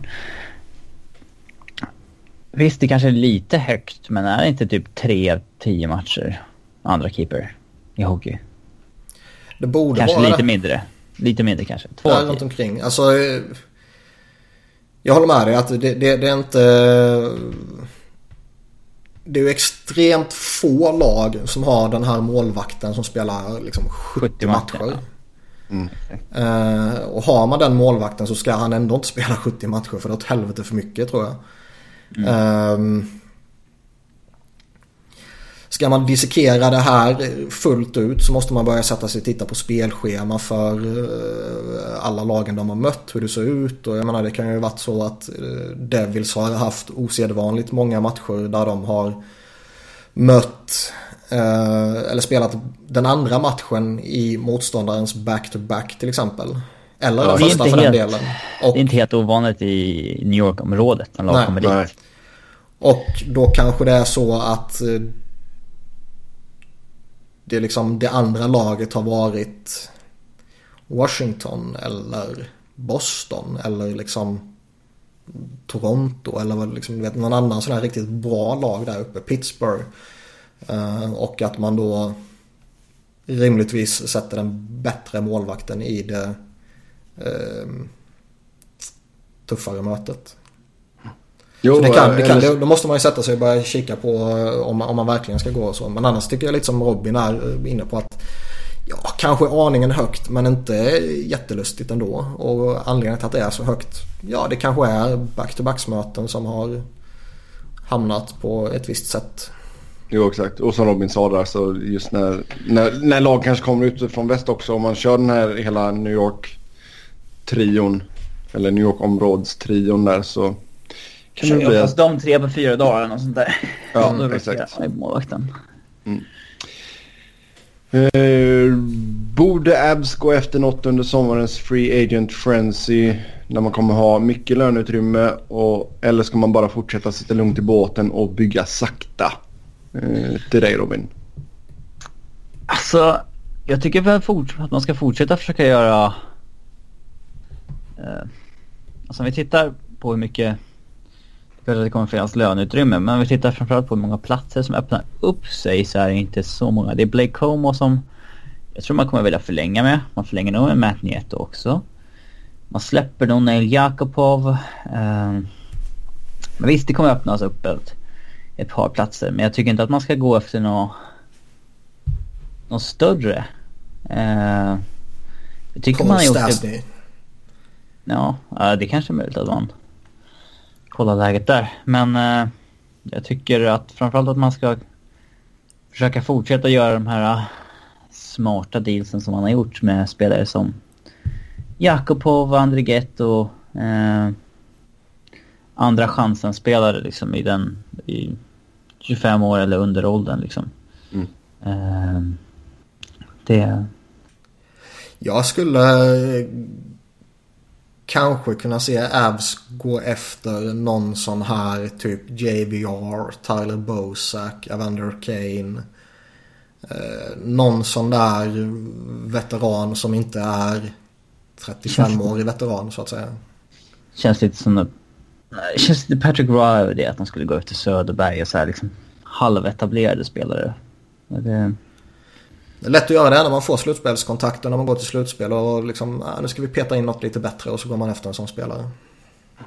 mm, kanske. Mm. En Mike Green eller någonting. Mm. Ja. Men jag, jag, jag tror inte det. Jag tror de kommer ta det, Ta det lugnt. ta det lugnt. Ja. Men eh, måste ju ändå upp över golvet också, men det kanske inte är något problem. Nej, det det är måste ju ha en ny målvakt till att börja med. Jag, jag tror inte man förlänger med Bernier. Han kommer väl vilja ha ett, ett bättre jobb så att säga. Han har gjort Ja. en bra säsong. Um, och jag vill inte dela det där ansvaret med, med uh, Varlamov en säsong till. Mm. Sen varför nämns inte Janne Gård mer i rookie-snacket? Inte på Barsals nivå poängmässigt men samma som Bowser och grymt viktig för Tampa. Är det något lag som det är synnerligen enkelt att hamna i skymundan av andra spelare så är det väl i Tampa. Ja. Med eh, Hedman och liksom Stamkos och Kucherov och ja, alla andra där bakom såklart så känns det som att man eh, måste göra något alldeles exceptionellt för att... Och han är 26 år. Man, ja, man ser det inte på samma sätt. Nej, och till och med kunna överglänsa liksom Braden Point som ändå är en annan eh, fin ung kandidat. Så nej, man måste nog göra något, något exceptionellt tror jag. Ja. I synnerhet när det är just Barzal och Brock Bowser som eh, får den uppmärksamheten liksom. Yes. Eh, sen har vi, kommer Detroit kunna resigna sina RFAs i sommar? Man har, ska vi se här. Andreas Athanasiatou. Jävla grek. Uh, Dylan Larkin, Anthony Manta, Tyler Bertuzzi, Martin Fruk. Visst kommer man kunna det. Varför inte? Ja, eh, RFAs... Alltså man sitter ju på all leverage. Ja, man har inget att säga till om alls. man ska väl inte vara superorolig för dem. Det är ju en sak om de skulle ha några eh, UFAs som man verkligen sitter i skiten med om man tappar dem. Och visst, Mike Green är ju viktig för dem men Detroit är ju inte i ett läge nu där eh, alltså rent kvalitetsmässigt och tabellmässigt och sånt där där det är förödande att tappa Michael Green. Nej. Han, gör, han är duktig och han har kommit tillbaka starkt eh, liksom. Men eh, det är inte så att, han liksom tar, att tappa han gör att de går från contender-status till eh, liksom mellanmjölksland. Nej, och jag menar där får, du, där, får, där får du in 6 milli capita också liksom. Jo, men att lösa sina RFAs där är de tre första där som är de mest eh, aktuella. Det, det ser jag inte som några problem. Nej. Det borde inte ens Ken Holland kunna fucka upp. ja, vi, vi, får vi se det. Eh, vad tror vi om Elias Pettersson nästa säsong? Jag tror att han spelar i NHL i Vancouver Canucks med Tam Dahlén. Mm. Jag är inte lika övertygad om NHL. Uh, eh, men jag kanske är för insnöad på JVM. Ja, mycket möjligt. Uh, det är liksom... Alltså han har ju varit Säg att han varit skadad i VM och vi missade det. Mm. Liksom han, han mötte ju ändå juniorer. Det är ändå mer relevant på något sätt vad han gör mot seniorer i, uh, i SHL. Ja, ja, alltså rim, rimligtvis Fan, så är det ju... sjukt att han gjort 56 poäng 44 matcher. Han är 19 Ja, ja tidernas bästa junis. Alltså någonstans så är ju 44 matcher mer relevant än 7 matcher. Men man kan ju vända ja. på resonemanget också. Alltså så, som Robin säger, å ena sidan så är det mer relevant vad han har gjort mot seniorer än vad han faktiskt har gjort mot juniorer. Men om han inte kan göra det mot juniorer kan man förvänta sig att han ska göra det mot seniorer. Jag vet inte, jag, jag kanske för insnöad på, eller insnöad på JVM där jag tycker han var en jättebesvikelse trots att han var point per game. Men säg så här att han vet inte hur aktuell den här vikten är det på elitprospect men det står 75 kilo. Han är rätt tunn. Ja, men... det, det, det, som gör att jag tvivlar lite på att han spelar i NHL i match 1 nästa säsong. Är ju dels att jag tycker han var en jättebesvikelse under JVM. Där han var direkt oduglig i 5 mot 5 spelet och i princip bara gjorde någonting i powerplay. Eh, det andra är ju att han faktiskt är jävligt tunn fortfarande. Och att de kanske väljer att ta det lite långsiktigt och sätta honom i AHL och låta honom fostras den vägen. Sen om det är tio matcher eller om det är hela säsongen. Det låter jag väl vara osagt. Men jag tror så här. Han kommer lägga på sig vikt i sommar väldigt snabbt när han kommer över till Nordamerika. Mm. Det har de tricks för. Mm. Antyder lite inget, men ja. Lite burgare och pizza på det så blir det bra. ja, det är det som gör det. ja, men liksom, De bara, här får du ett klippkort till Domino's och McDonalds. Canucks, eh, Canucks borde ju satsa allt för att få över de två tillsammans. Antingen så att de lirar som brödrapar i eh, AHL. Utica Comets va, i deras lag eller? Har Mm. bytt nu? Ja. Eh, eller åtminstone testa dem i NHL. För det är liksom deras Jag undrar hobby. hur sugna de är på att plocka över de här två och spela dem i NHL medan de fortfarande har Sedinarna. Om vi då förutsätter att Som de lirar... mästerskap ett år liksom. Ja, om vi förutsätter att de lirar ett år till då såklart. Mm. Eh, Det känns som lite för bra läge för att inte ta det. Ja. Så, Och skulle Sedinarna gå i pension eller flytta hem eller mot all förmodan hitta något annat lag i NHL så eh, Ja, hastigt och lustigt öppnas det upp två platser och de behöver lite skills. mm. Sen förutser nästa säsong för backtalangerna Erik Brännström, Timothy Liljegren och Rasmus Dahlin. Okej, Erik Brännström. Mm. Ehm.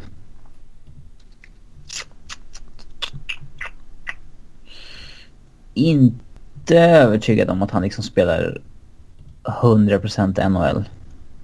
Uh... Nej, jag eh, gillade vad jag såg av honom i JVM. Jag tyckte han... Uh,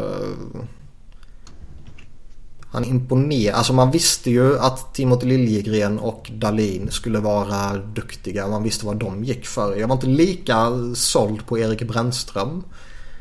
Så jag tyckte han övertygade på mig.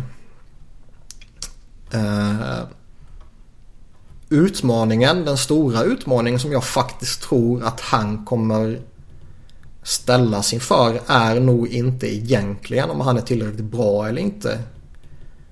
Utan det är hur lojala Vegas kommer vara mot deras nuvarande spelare. Efter Ja. den här sjuka säsongen. Mm. Alltså tror du man signar nytt med Spisal liksom? Det går inte att utesluta någonting med Vegas. För det är så jävla lustigt. Man har sett så många konstiga saker ske. Baserat på en lyckosäsong. Eller på 25 matcher liksom. Eller någonting. Eh, personligen som jag har sagt i typ varenda avsnitt hittills. Så vägrar jag ju fortfarande ta Vegas på allvar. För att de har två och en halv bra spelare typ. Jo. Men eh, de själva, oavsett om det är rätt eller fel, kommer ju ta sig själva på allvar. Och då finns ju alltid den här risken att eh, man blir lite för lojala mot de som har gjort det här. Ja, alltså backar under kontrakt nästa säsong. Nate Smith, Brady McNabb, John Merrill, Derek England, Brad Hunt och sen har du Colin Miller och Shea Theodore som är RFA som jag förutsätter att man kommer förlänga med båda två. Ja, eh, det, det, det tror jag är den största utmaningen för honom. I synnerhet lite som Robin var inne på det här att man är inte helt hundra såld på att han är en NHL-spelare nästa år. Mm. Hur kommer det gå för Dahlin Edmonton då? Eh, Alltså går jag, jag tror han spelar... Jag tror han vinner, spelar... vinner Edmonton lotteriet då får vi ju ta och lägga ner. ja, ja. Ja, så sa vi innan McDavid också och innan... Ja. Men ja, Jag tror att han spelar 80 matcher, gör så här 10 mål, 25 assist eller någonting. Ja, du tror ändå att han kliver rätt in eller? Så pass? Ja. Ja, 100 procent. 100 procent. Okej. jag skulle förvåna något frukt... Alltså han måste nog förmodligen vara toksämst värdelös under training camp för att inte inleda i NHL känns det som. Mm. Eh, Ja, man har liksom ett annat... Alltså det är så här, Det är en annan grej om man går som etta. Organisationen får liksom inte... Alltså det... Man kan inte Och det känns som att- plockat- Ja. om han mot all förmodan inte skulle lira där. Mm. Så kommer han väl ändå inte återvända till SHL. För det känns som att de vill inte gärna släppa kontrollen över sådana spelare. Ja, det... Alltså, det är en chans finns ju alltid att man skickar tillbaka honom till föräldrarna och så kanske man plockar, plockar över honom senare. Men... Fast, ja men det, det är lite som Robin säger, det är annorlunda när man går first overall. Ja. Och, eh, Alltså det är så här. de vill kunna hålla kontrollen över honom. som vill ha I, in spelaren direkt. Ja. Liksom. Mm. Sen så kommer en ägare över dig som inte vill att du sätter liksom killen som ska sälja biljetter. Han ska ju spela liksom. Det, det är inte rent hockeymässigt om man går som etta liksom. Nej. Yes. Uh, ska vi se. Ska vi ta en till här då? Vi fick in uh, en tweet här. Uh, förslag till inslag i podden känns som att det skulle kunna bli några intressanta diskussioner. Så var det en tweet till ett March Madness bracket. Uh, för er som inte vet vad March Madness är så är det college-basketen här. Folk blir helt tokiga i huvudet här borta och så ska man göra sina brackets och ja, det omsätts nog en del pengar på eh, amerikanska arbetsplatser så här i mars. Då var det de som gjorde detta med NHL i alla fall och tog spelare mot spelare. Ehm, och vi ska väl diskutera oss fram till en vinnare här då. Det var inte någon, det var den stora Dom Lucic Ja. Dom Lushichin. Ja, jag vet fan vad han heter. Ja, det är det. Men han är duktig. Ja. Han, han är... Det är en uh, självklar follow. Mm. Jag skriver lite Så- på The Athletic bland annat. Och så. här. I Atlantic så har vi först ut Kucherov mot Tukarask.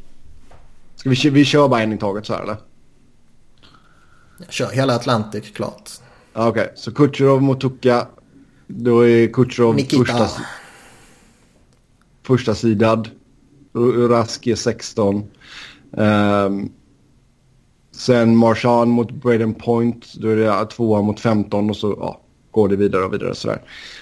Um, Stamkos, Barkov, Matthews mot Mark Stone, Bergeron mot Jonathan Huberdeau, Erik Karlsson mot David Pasternak, Viktor Hedman mot Jack Eichel, Andrei Vasilevski mot Fredrik Andersen.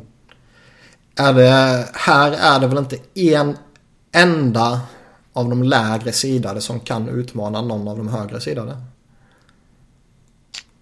Nej. Nej, det, det ser jag inte. Utan Kucherov slår Rask, Stamkos slår Barkov, Matthews slår Stone, Bergeron slår Huberdeau, Karlsson slår Pasternak, Hedman slår Eichel, Vasilevski slår Andersen, Marchand slår Point. Då är inne i en andra runda där Och Kucherov... nu blir det ju roligt. Kucherov går upp mot Stamkos, Matthews går upp mot Bergeron, Karlsson går upp mot Hedman, Vasilevski går upp mot Marchand. Så Kucherov Stamkos första då. Kucherov. Kucherov. Kucherov, okej. ja, Kucherov går vidare där. Sen Matthews mot Bergeron. Här tycker jag verkligen det är helt jävla dött lopp. Mm. Eh.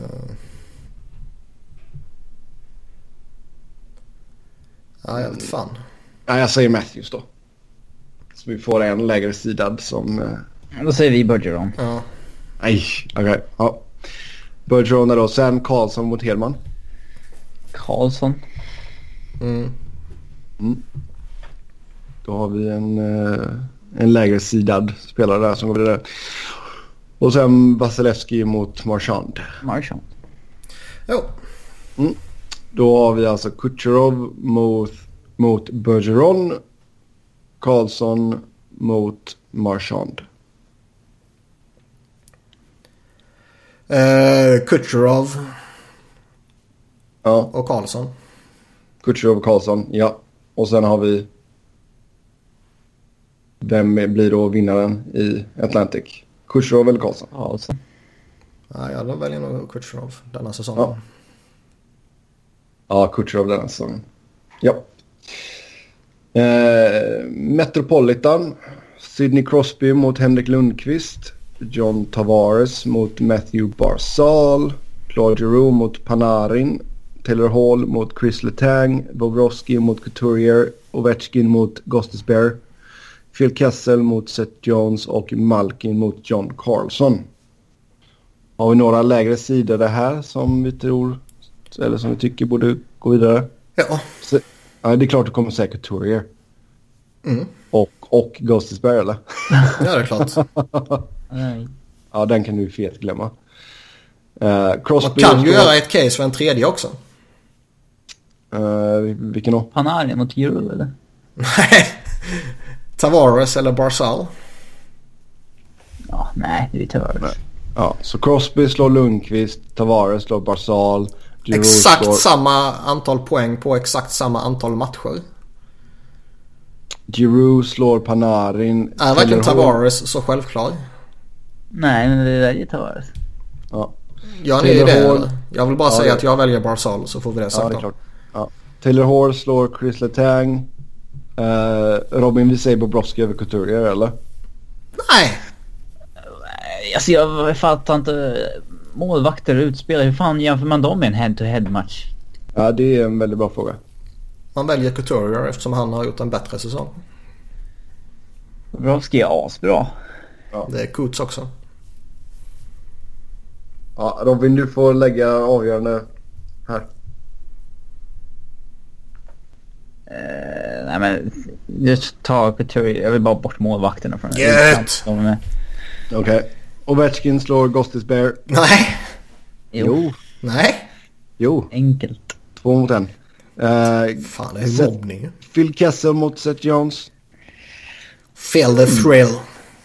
Ja, den är inte helt självklar tycker Nej jag. det Men inte. Men uh, Kessel vinner ju ändå på coolhetsfaktor. Ja. Sure. Okej. Ja. Läste Kessel någonstans att om han, om han spelar säsongen ut, eller något sådär, han spelar till november femte eller något sådär, då kommer han spela tio år utan att ha missat en enda grundseriematch eller slutspelsmatch.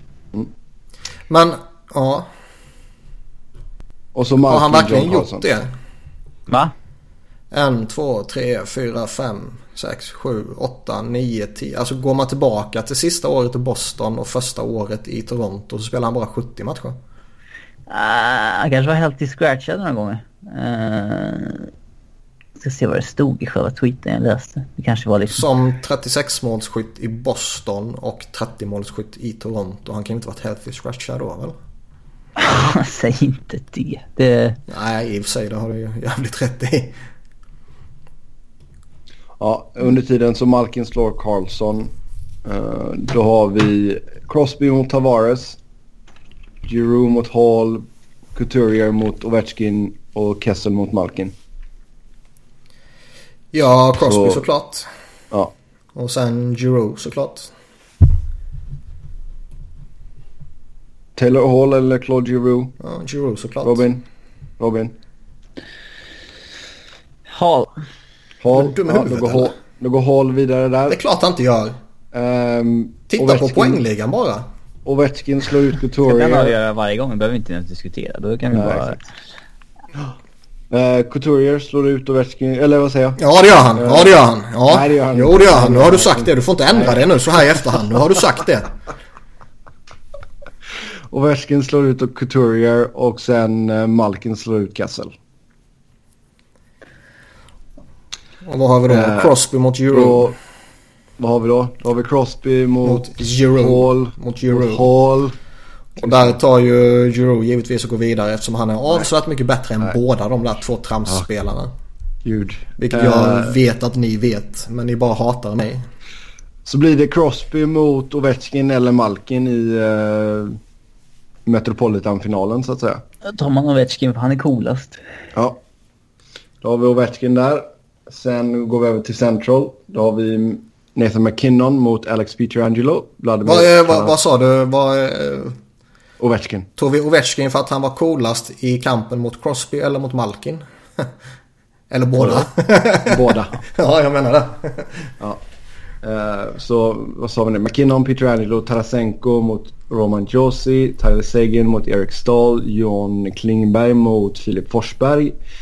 Pekka Rinne mot Patrick Kane. PK Subban mot Mark Scheifele. Patrik Laine mot Jaden Swartz. Blake Wheeler mot Jamie Benn. Eh, Kan börja med Peter Langelo såklart.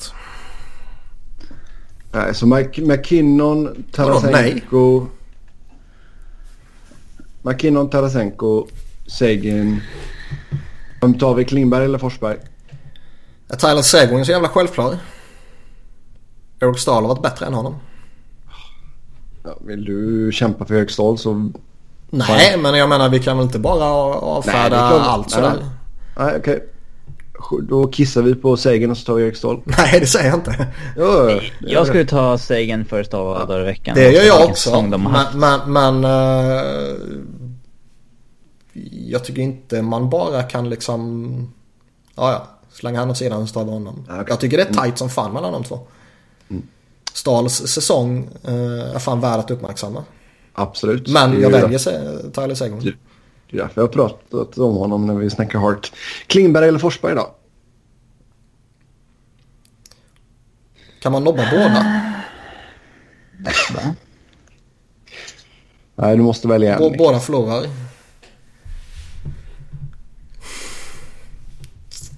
Jag säger nog Filip Forsberg då. Nej. Eh, Klingberg leder poängligan för backar eller? ja. Jag tror nog man får säga han ändå.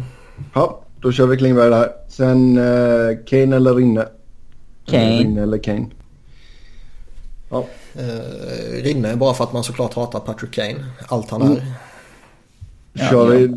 Då går Rinne vidare där. Uh, P.K. Subban eller Mark Scheifele? Subban. PK. Line slår Swartz. Ja. Blake Wheeler mot Jamie Benn. Ja, det där är... Hade det där varit för två år sedan så hade det varit så här... ja, Det hade varit absurt att ta Black Wheeler före Ben. Nu Men, eh, tycker jag nästan det är tvärtom. Baserat Ja. på denna säsongen. Wheeler slår ut Ben då. Då har vi alltså McKinnon mot Tarasenko. Tarasenko. Tarasenko. Bara för att jag vill hata på, tillbaka på er för att ni hatade på mina spelare i Metro. Aha. Ja, ja, nej han är in- inte Tarasenko. Nej, det är klart det är McKinnon. Ja. Uh, Sagan mot Klingberg. Sagan. Eh, ja. Ja. Rinne mot Subban. Subban. Mm. Eh, Subban. Och så Line mot Wheeler. Får ju ta Line ändå. Ja. Ja, 40 mål liksom. Eh, I skymundan av Ovechkin så blev ju Line eh, också uppmärksammad i veckan för någonting som jag redan har glömt vad fan det var. Men snabbaste unisen. Mest mål av en tonåring eller något Ja, sånt något där. sånt där var det. Ja. ja. Det är inte hans extremt fula skägg i alla fall. Ehm, Det är så fult så det blir snyggt ju. alltså det är groteskt verkligen. Sen gillar jag Line också liksom efteråt att han bara ja. Jag var på isen när Ovechkin gjorde sitt 600 mål. Ja. Så jag tar gärna det minuset typ. Eh, Då har vi alltså McKinnon mot Sagan och Subban mot Line. McKinnon, McKinnon. mot Line skulle jag vilja ha. Ja, det håller jag med om. Så då blir det det. Då är frågan McKinnon Sen är det fan skitsvårt. Eh,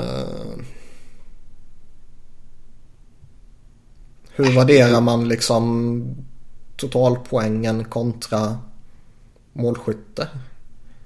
Och McKinnon är ju inte superlångt bakom Lines målskytte direkt. Nej. Nej, jag tror ändå som McKinnon tar det faktiskt. Det smärtar mig att säga det men ja. Mm. Sen Pacific då. Då har vi Connor McDavid mot Broke Busser. Bowser. Uh, eh, Getzlaff mot Fleury. Burns mot Hamilton. Kopitar mot Wild Bill Karlsson. John Gibson mot Leon Draisaitl. Drew Doughty mot Jonathan Quick. Jonathan Mussesaw mot Sean Monahan. Och sen Johnny Hockey mot Rickard Rakell. Eh, McDavid kan vi nog enas om väl. Ja, McDavid och sen eh, tar jag nog faktiskt Fleury före Getzlaff denna säsongen. Fast Eh. fel stavat på Getzlaff förmodligen. Getzalf. ja, jag väljer Getzalf bara för att man egentligen inte vill plocka en pingvin. Ja men Fleury är inte... Jag vet han spelar i Spelar i Vegas. Ja, men alltså Fleury är ingen jävla toppspelare. Nej. Getzlaff där då. Uh, Burns eller Doggy Hamilton? Jag tar nog Burns där faktiskt. Ja. Mm. Och sen Anse Han kom inte igång starkt efter en liten jobbig inledning. Ja, jävligt jobbig inledning för han faktiskt. Uh, Kopitar eller William Karlsson? Det här är ju hopplöst jävla la- läge. Antingen måste man välja en äcklig Los Angeles-spelare eller så måste man välja en överhypad svensk. ja, det blir William. Ja, alltså min, topp mitt, fem i för, mitt förakt för Sebbe är ju förmodligen större än mitt förakt för eh, svensk bias liksom. Ja. Jag får se vem besegrar där då. Inte mer- Det är inte nej. mer med det. Vi kan inte ta hans kopet där efter William Karlsson. Det kan vi inte göra. Nej, Alltså- Ante, Kopitar. Bra. Uh, Ja, alltså jag vill nog ha Kopitar faktiskt. Ja, bra. Tack. Uh, Gibson bra eller... ju. Ja, han är grymt bra. MVP för fan. Uh, Gibson eller Dreisaitl? Jävla målvakt. Är är klart. Dreisaitl. Dreisaitl. Det här var nog det tråkigaste jävla eh, paret. Skitsamma, den åker nästa gång i alla fall. Ja. Ja. Uh, Doughty eller Quick? Också så här hopplöst jävla läge. Det är liksom det är elakt lose, att sätta två Kings-spelare mot varandra i första rundan, men ja, ja. Eller garanti för att man får vidare igen. Ja, i och för sig sant. Men Dowdy tror jag. Ja. Uh, sen Masseså eller Monahan? Masse så. Monahan för att han är en personlig favorit. Masseså då. Och sen uh, Johnny Hockey slår ut Rakell. Ja, så det bara sjunger om det. Då har vi McDavid mot Getzlaff. Getzalf heter han. Gandalf. Uh, McDavid slår ut honom. Eh, och sen hade vi Burns mot Kopitar. Jag antar att ni två kommer säga Burns. Ja. Eh, och sen Dreisaitl mot Dowdy. Jag antar att ni kommer säga Dreisaitl. Ja. Eh, och sen Johnny Hockey mot Marceau. Jag säger Johnny Hockey. Mm, enig. Ja. Då har vi alltså McDavid mot Burns. Där säger vi McDavid. Och sen har vi... Alltså man behöver ju inte ens gå igenom Pacific Bracketsen. Det är ju bara att sätta McDavid som slutsegrare egentligen. Ja, och Johnny Hockey två. Uh, vad hade vi? Dreisaitl mot Johnny Hockey. Ja, då är Johnny Ja. Hockey där ju. Ja. Och sen McDavid vi tar alltså- den. Då har vi alltså McKinnon mot McDavid på ena sidan. Och, Och vad hade vi? Kucherov mot. Ovechkin. Ovechkin. Ja, du har ångrat det nu eller? Så ja, McDavid, eh, McKinnon. Äh, Man kan ju inte säga något annat än McDavid. Ja. Kucherov, Ovechkin. Ovechkin. Kucherov. Ja, jag tror Kutjerov har ett bredare register som spelare idag. Men Ja. eh, ja, Ovechkin är the, the favorite. Ja, jag tar nog Kucherov. Mm. Då har vi alltså Kucherov mot McDavid i final.